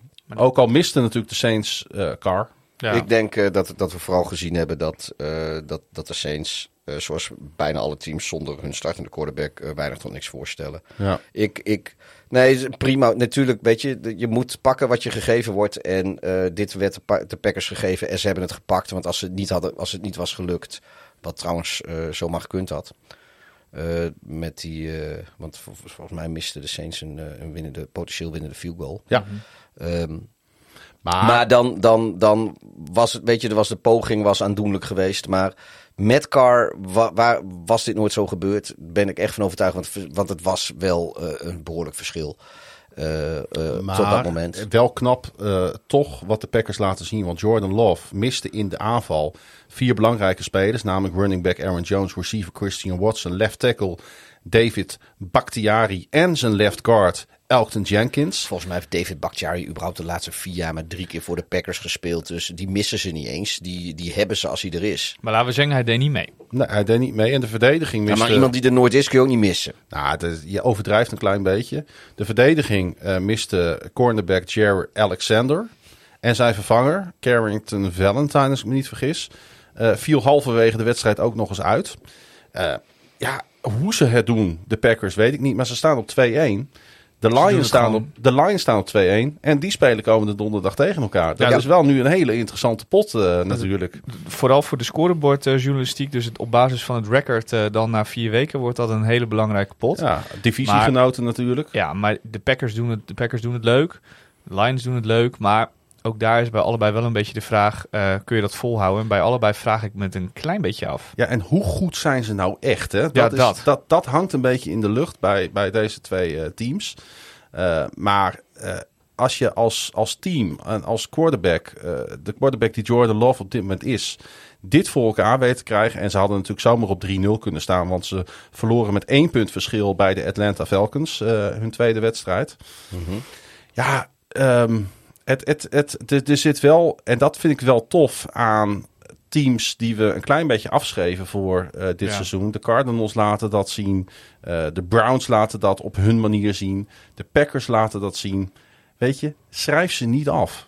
Nee, er zijn geen echt slechte teams in de NFL. Uiteindelijk kan ja. elk team van iedereen winnen. Alleen zijn er teams die op een veel constanter hoog niveau draaien dan anderen. En dat is dus, maar dat, dat is echt de vraag bij dit soort teams. Waarvan je van tevoren wel denkt, nou, eh, met een beetje mazzel eh, valt het mee. Maar waarschijnlijk wordt het niks. Nou, er zit van alles tussen. Het gaat van nachtmerrie naar droom. Ja, maar nu, nu die diegene die volgende week wint, die mag in één keer eh, heel serieus gaan nadenken over, ja, in elk geval play-offs. Nou ja, gezien natuurlijk ook de staat van de Vikings en de Bears. Ja. Die allebei op 0-3 staan in die En- divisie.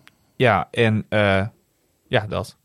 Dus een hele belangrijke overwinning voor, voor, eh, voor de Packers. Ondertussen heeft Pieter hele verwoede pogingen gedaan om erachter te komen Die wil hoe vaak heel graag- Bakhtiari eh, op het veld Die gestaan wil heeft heel voor de graag Packers. Dus tegelijk halen. Doe maar Pieter. Nou, Twaalf wedstrijden in drie seizoenen. Nou, dat is niet veel. Nee, dat is erg weinig zelfs. Nee, dat eh, klopt. Maar goed, eh, nee, Maar als hij er staat, is hij goed. het is, eh, als hij er staat en hij is fit, is het misschien wel de beste left tackle in de league. Fijn. Dan hebben we dat in elk geval duidelijk.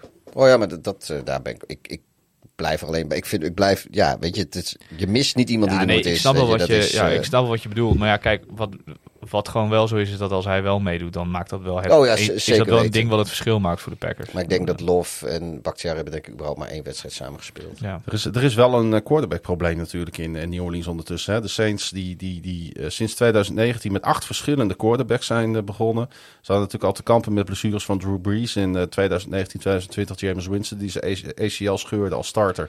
In 2021 daarna hergroepeerden ze een beetje rondom Andy Dalton. Nadat het team Winston vorig seizoen nog steeds op de bank moest laten zitten met rug- en voetblessures. Ja, heel stabiel is het niet in, eh, in New Orleans wat dat betreft. Nou, wat, eh, wat natuurlijk een groot pluspunt was, is dat nou ja, sowieso heeft Winston geen intercepties gegooid deze wedstrijd. Maar hij speelde maar twee kwarten. Dus die vier intercepties in vier kwarten, wat hij al drie keer gedaan heeft sinds 2015, Ja. dat zat er in ieder geval deze speelronde niet in. Ehm, Dat is waar. maar eh, Carr, die, eh, nou, Winston speelde ook gewoon niet, niet eens eh, zoveel. Zo, die speelde eigenlijk niet, nauwelijks minder dan Carr deed, als je de statistieken bekijkt. Ehm, maar ja, wat we ook al zeiden eerder, weet je, het is wel leuk hoor als je die bal nog een beetje beweegt, maar als het zodra er op score aan moet komen, als je het dan nalaat. Maar ik kan ook zeggen, James Winston komt koud het veld in en hij zet, uiteindelijk brengt hij toch de, de Saints eh, in een game-winning position. Want het was echt een hele maakbare field goal. Het was niet eens de alle, alles lastigste field goal eh, van, de, van de speelronde. Ehm, ja, nou ja, goed, die wordt dan gemist. Ehm, maar ik maak me wel een beetje zorgen inderdaad over eh, de rest van het seizoen van de Saints. Ik weet Ja, niet ik wanneer ook. Carr terug is, maar dat kan nog wel even duren. Ja, het, week to week wordt het. En,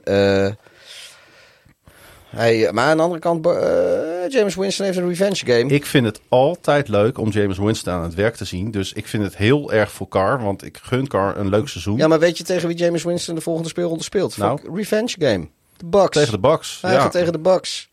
Dan de Patriots, dan de Texans, dan de Jaguars, dan de Colts. Hey, Daar eh, liggen wel Moeilijkste- mogelijkheden. Dat is niet Daar het moeilijkste programma in de league. Dan de Bears. Nou, Daar kun je van verliezen. Nou ja, dan, de, dan de Vikings. Nou ja, Falcons, Lions. Het is, het is niet alsof ze nou een heel lastig schema hebben, die Saints. Dus ik, enerzijds eh, maak ik me zorgen, anderzijds eigenlijk ook niet zo.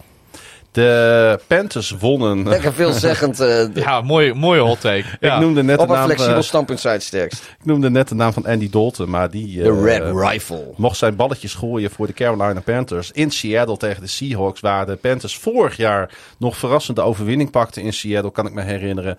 Eh, verloren ze deze keer. En eh, ja, ik geniet ontzettend van deze Seahawks met Kenneth Walker, die weer bijna 100 yards pakte. Eh, vijf raken field goals van Jason Myers, ontzettend kikker. Ehm 37-27 overwinning op de dag dat de eh, Seattle, Super, eh, Se- Seattle eh, Seahawks hun Super Bowl kampioensteam van tien jaar geleden eerde. Ehm, eh, hè, er werden allemaal vlaggen gehezen door oud-spelers. en de sfeer was fantastisch in het stadion.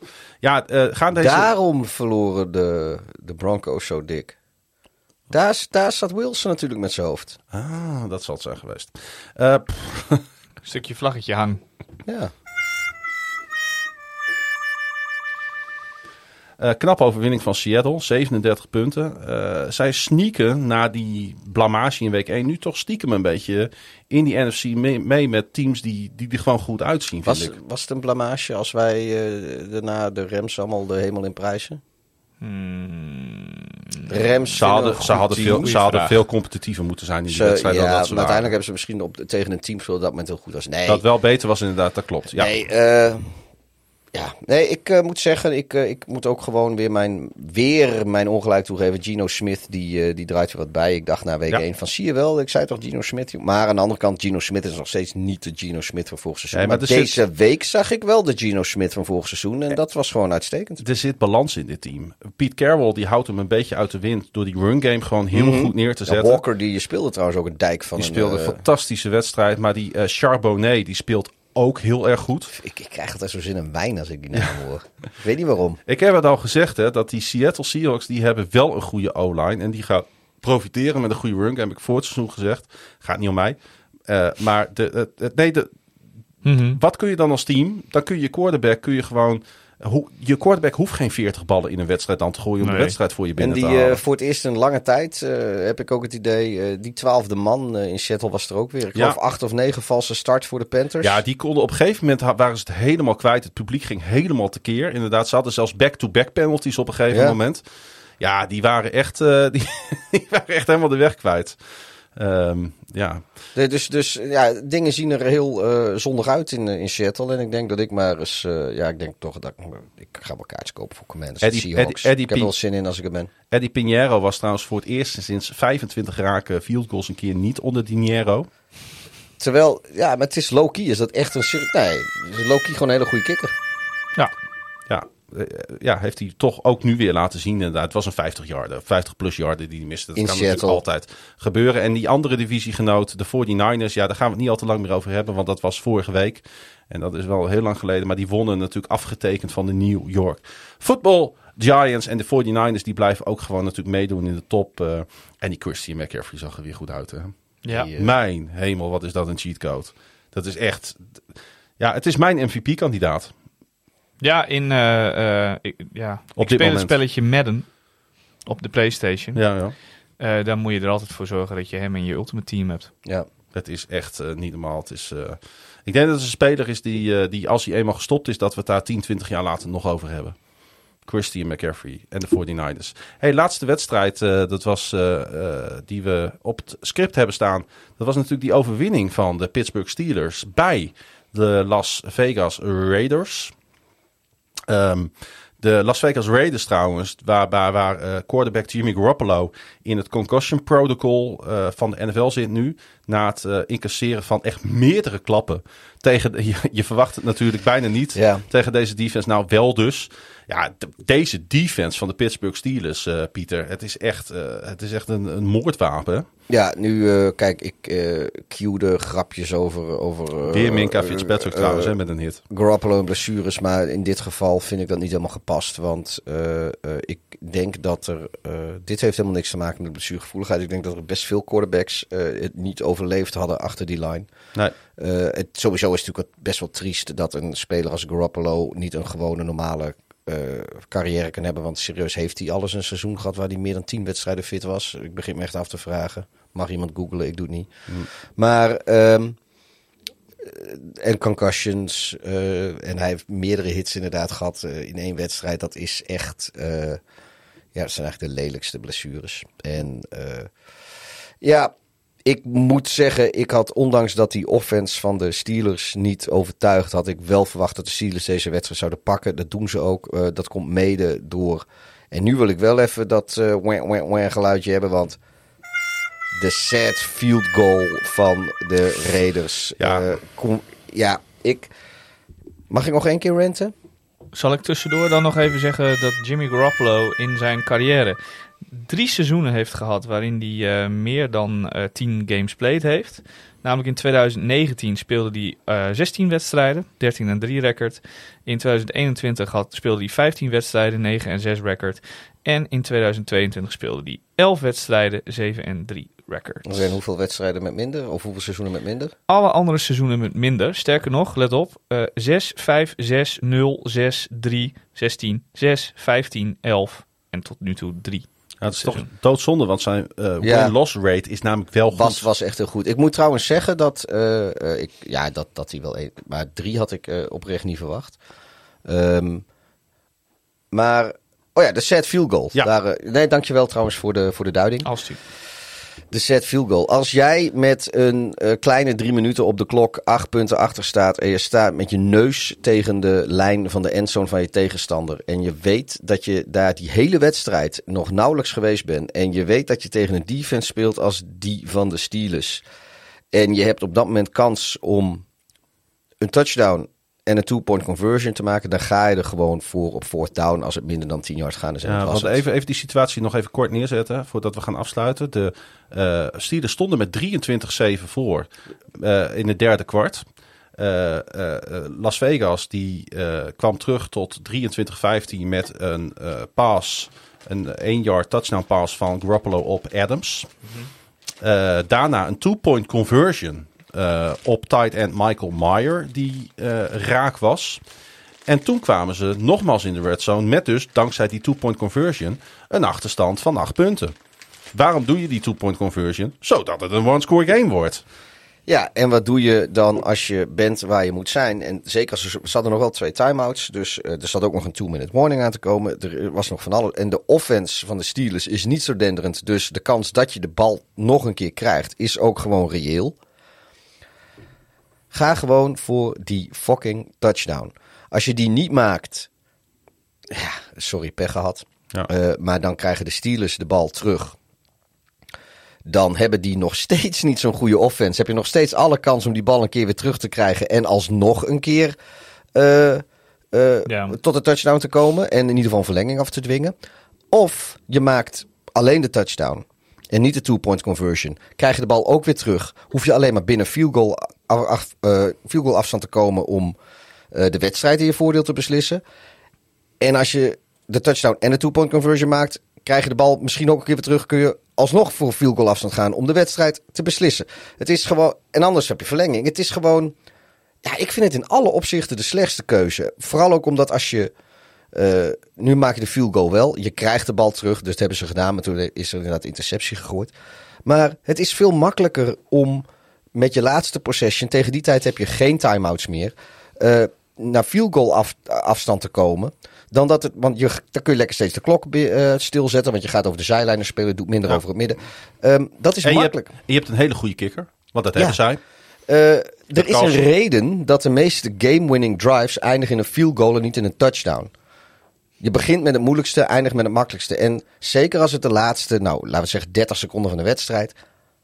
Field goal range is altijd makkelijker dan. eh, Wij hebben voor McDaniels, waar wij al niet zo'n fan van zijn, eigenlijk maar eh, een paar woorden. Now go stand in the corner and think about what you did. Ze heeft altijd gelijk, die vrouw. ik denk dat we Taylor eh, laten we hier gewoon opstaan. Die, kun je, die mag je, kan ook gebruiken voor de Donar eh, podcast. Daar Ja, is vast ook wel. eh, Er zijn ook momenten waarop je denkt... Now go stand in the corner and think about what you did. KVM mag hem ook gebruiken als ze willen. hey, eh, mannen, eh, we hebben eh, het einde van deze podcast bereikt. Dankjewel Yannick eh, dat je erbij was. Nou, alsjeblieft. Ik had over niet alle wedstrijden wat te vertellen, maar ach, af en toe had ik nog best wel dat ik dacht, goh. De tweede moeten, helft hebben we ook lekker afgeraffeld, want het werd weer wat lang. We moeten nog één ding doen, eh, Pieter. Dat is de uitslagen even opnoemen. Eh, zal, zal ik het doen deze keer? Eh, ja, doe, je, de volg, doe maar gewoon weer de ESPN volgorde. Of... Giants at 49ers, 12 tegen 30. De Indianapolis Colts at the Baltimore Ravens, 22-19. De Tennessee Titans op bezoek bij de Cleveland Browns, 3-27. Atlanta Falcons at Detroit Lions, 6 tegen 20. De New Orleans Saints tegen de Green Bay Packers, 17-18. De Broncos verloren met 50 punten verschil in Miami. 20-17. 70. Oh, mijn hemel. Je moet me ook niet afleiden. De Los Angeles Chargers tegen de Minnesota Vikings 28-24. De New England Patriots tegen de New York GTS Jets, Jets, Jets 15-10. De Buffalo Bills at de Washington. Commanders 37-3. De Houston Texans at de Jacksonville Jaguars 37-17. De Carolina Panthers tegen de Seattle Seahawks 27-37. Chicago Bears at Kansas City Chiefs 10-41. De Dallas Cowboys at Arizona Cardinals 16-28. De Pittsburgh Steelers at de Las Vegas Raiders 23-18. De Philadelphia Eagles wonnen bij de Buccaneers met 25-11. En tot slot de Los Angeles Rams at de Cincinnati Bengals 16 tegen 19. alsjeblieft Frank, dat is voor jou hè. Alle uitslagen in de NFL van week 3, die staat in de boeken. Gaan op naar eh, week 4, Pieter. Nee, ik Ehm, maak, me op voor de, ik maak me op voor de draft. Jij maakt je op voor de draft, inderdaad. Misschien Yannick ook wel een heel klein beetje. Ehm, nee, gewoon week 4. Eerst maar weer eens week 4 kijken. We, we, we go from week to week. We go from week to Ik, week. Dat is- kom toch, Dat is, de- eh, dat ik- is, we gotta look at the film. We Ik kom- look at the film. Ik kom nog een keer langs om te voorspellen trouwens. Ik ga dat nu niet zo niet meer doen. Dat Nee, vertel ik nu nee, alvast nee, even. dat gaan we aldus eh, in deze week nog even doen. En dan gaan we nog even die extra podcast opnemen. Wil je nou ook die extra podcast luisteren? Is dit niet genoeg voor je? Ga dan, eh, of wil je gewoon deze podcast steunen? Dat kan natuurlijk ook gewoon. Ga dan naar uh. Dan kun je je petje voor ons afnemen. 5 euro per maand ben je MVP-lid. En kun je al die extra content tot je nemen. Word je ook toegelaten tot de Telegram groep. Kun je daar een beetje lekker in meelullen. Ja, en als je nou vrienden hebt die misschien de NFL ook wel interessant vinden, laat ze lekker naar deze podcast luisteren. Misschien gaan ze juist wel of juist niet kijken, maakt niet uit, maar laat ze gewoon luisteren. Want eh, het Want is... wij, wij, zijn- wij, wij verdienen luisteraars. En het is Daar gewoon... ben ik eh, gewoon eerlijk over. het is de mooiste sport die er is. Ja. Eh, Nou, wel in de top 5. wat, is jouw, wat is jouw nummer 1 sport? Voetbasketbal. Toch basketbal? Voetbasketbal. Voetbal. Nee, nee, nee, nee, je moet kiezen. Voetbasketbal vind ik echt zo'n slap aftreksel Dan is basketbal een veel mooier spel dan eh, voetbal. Oké. Dus dan basketbal. Wil je ons volgen op Twitter, dan kan dat via Pieter. Eh, ik heb een Blue Sky eh, account gewoon, maar ik weet niet precies wat het ding is. Dus laten we eerst nog maar Twitter een keer Darth Hedius doen. Yannick. Ed Yannick Masson, dat is dubbel N dubbel S. En het begint met een Y. Het Klaasje Gun, dubbel A, dubbel S, dubbel N. Ik bedank iedereen voor het luisteren naar eh, deze nu al legendarische aflevering. Tot de volgende. En ehm, ja, Beste mooi weer.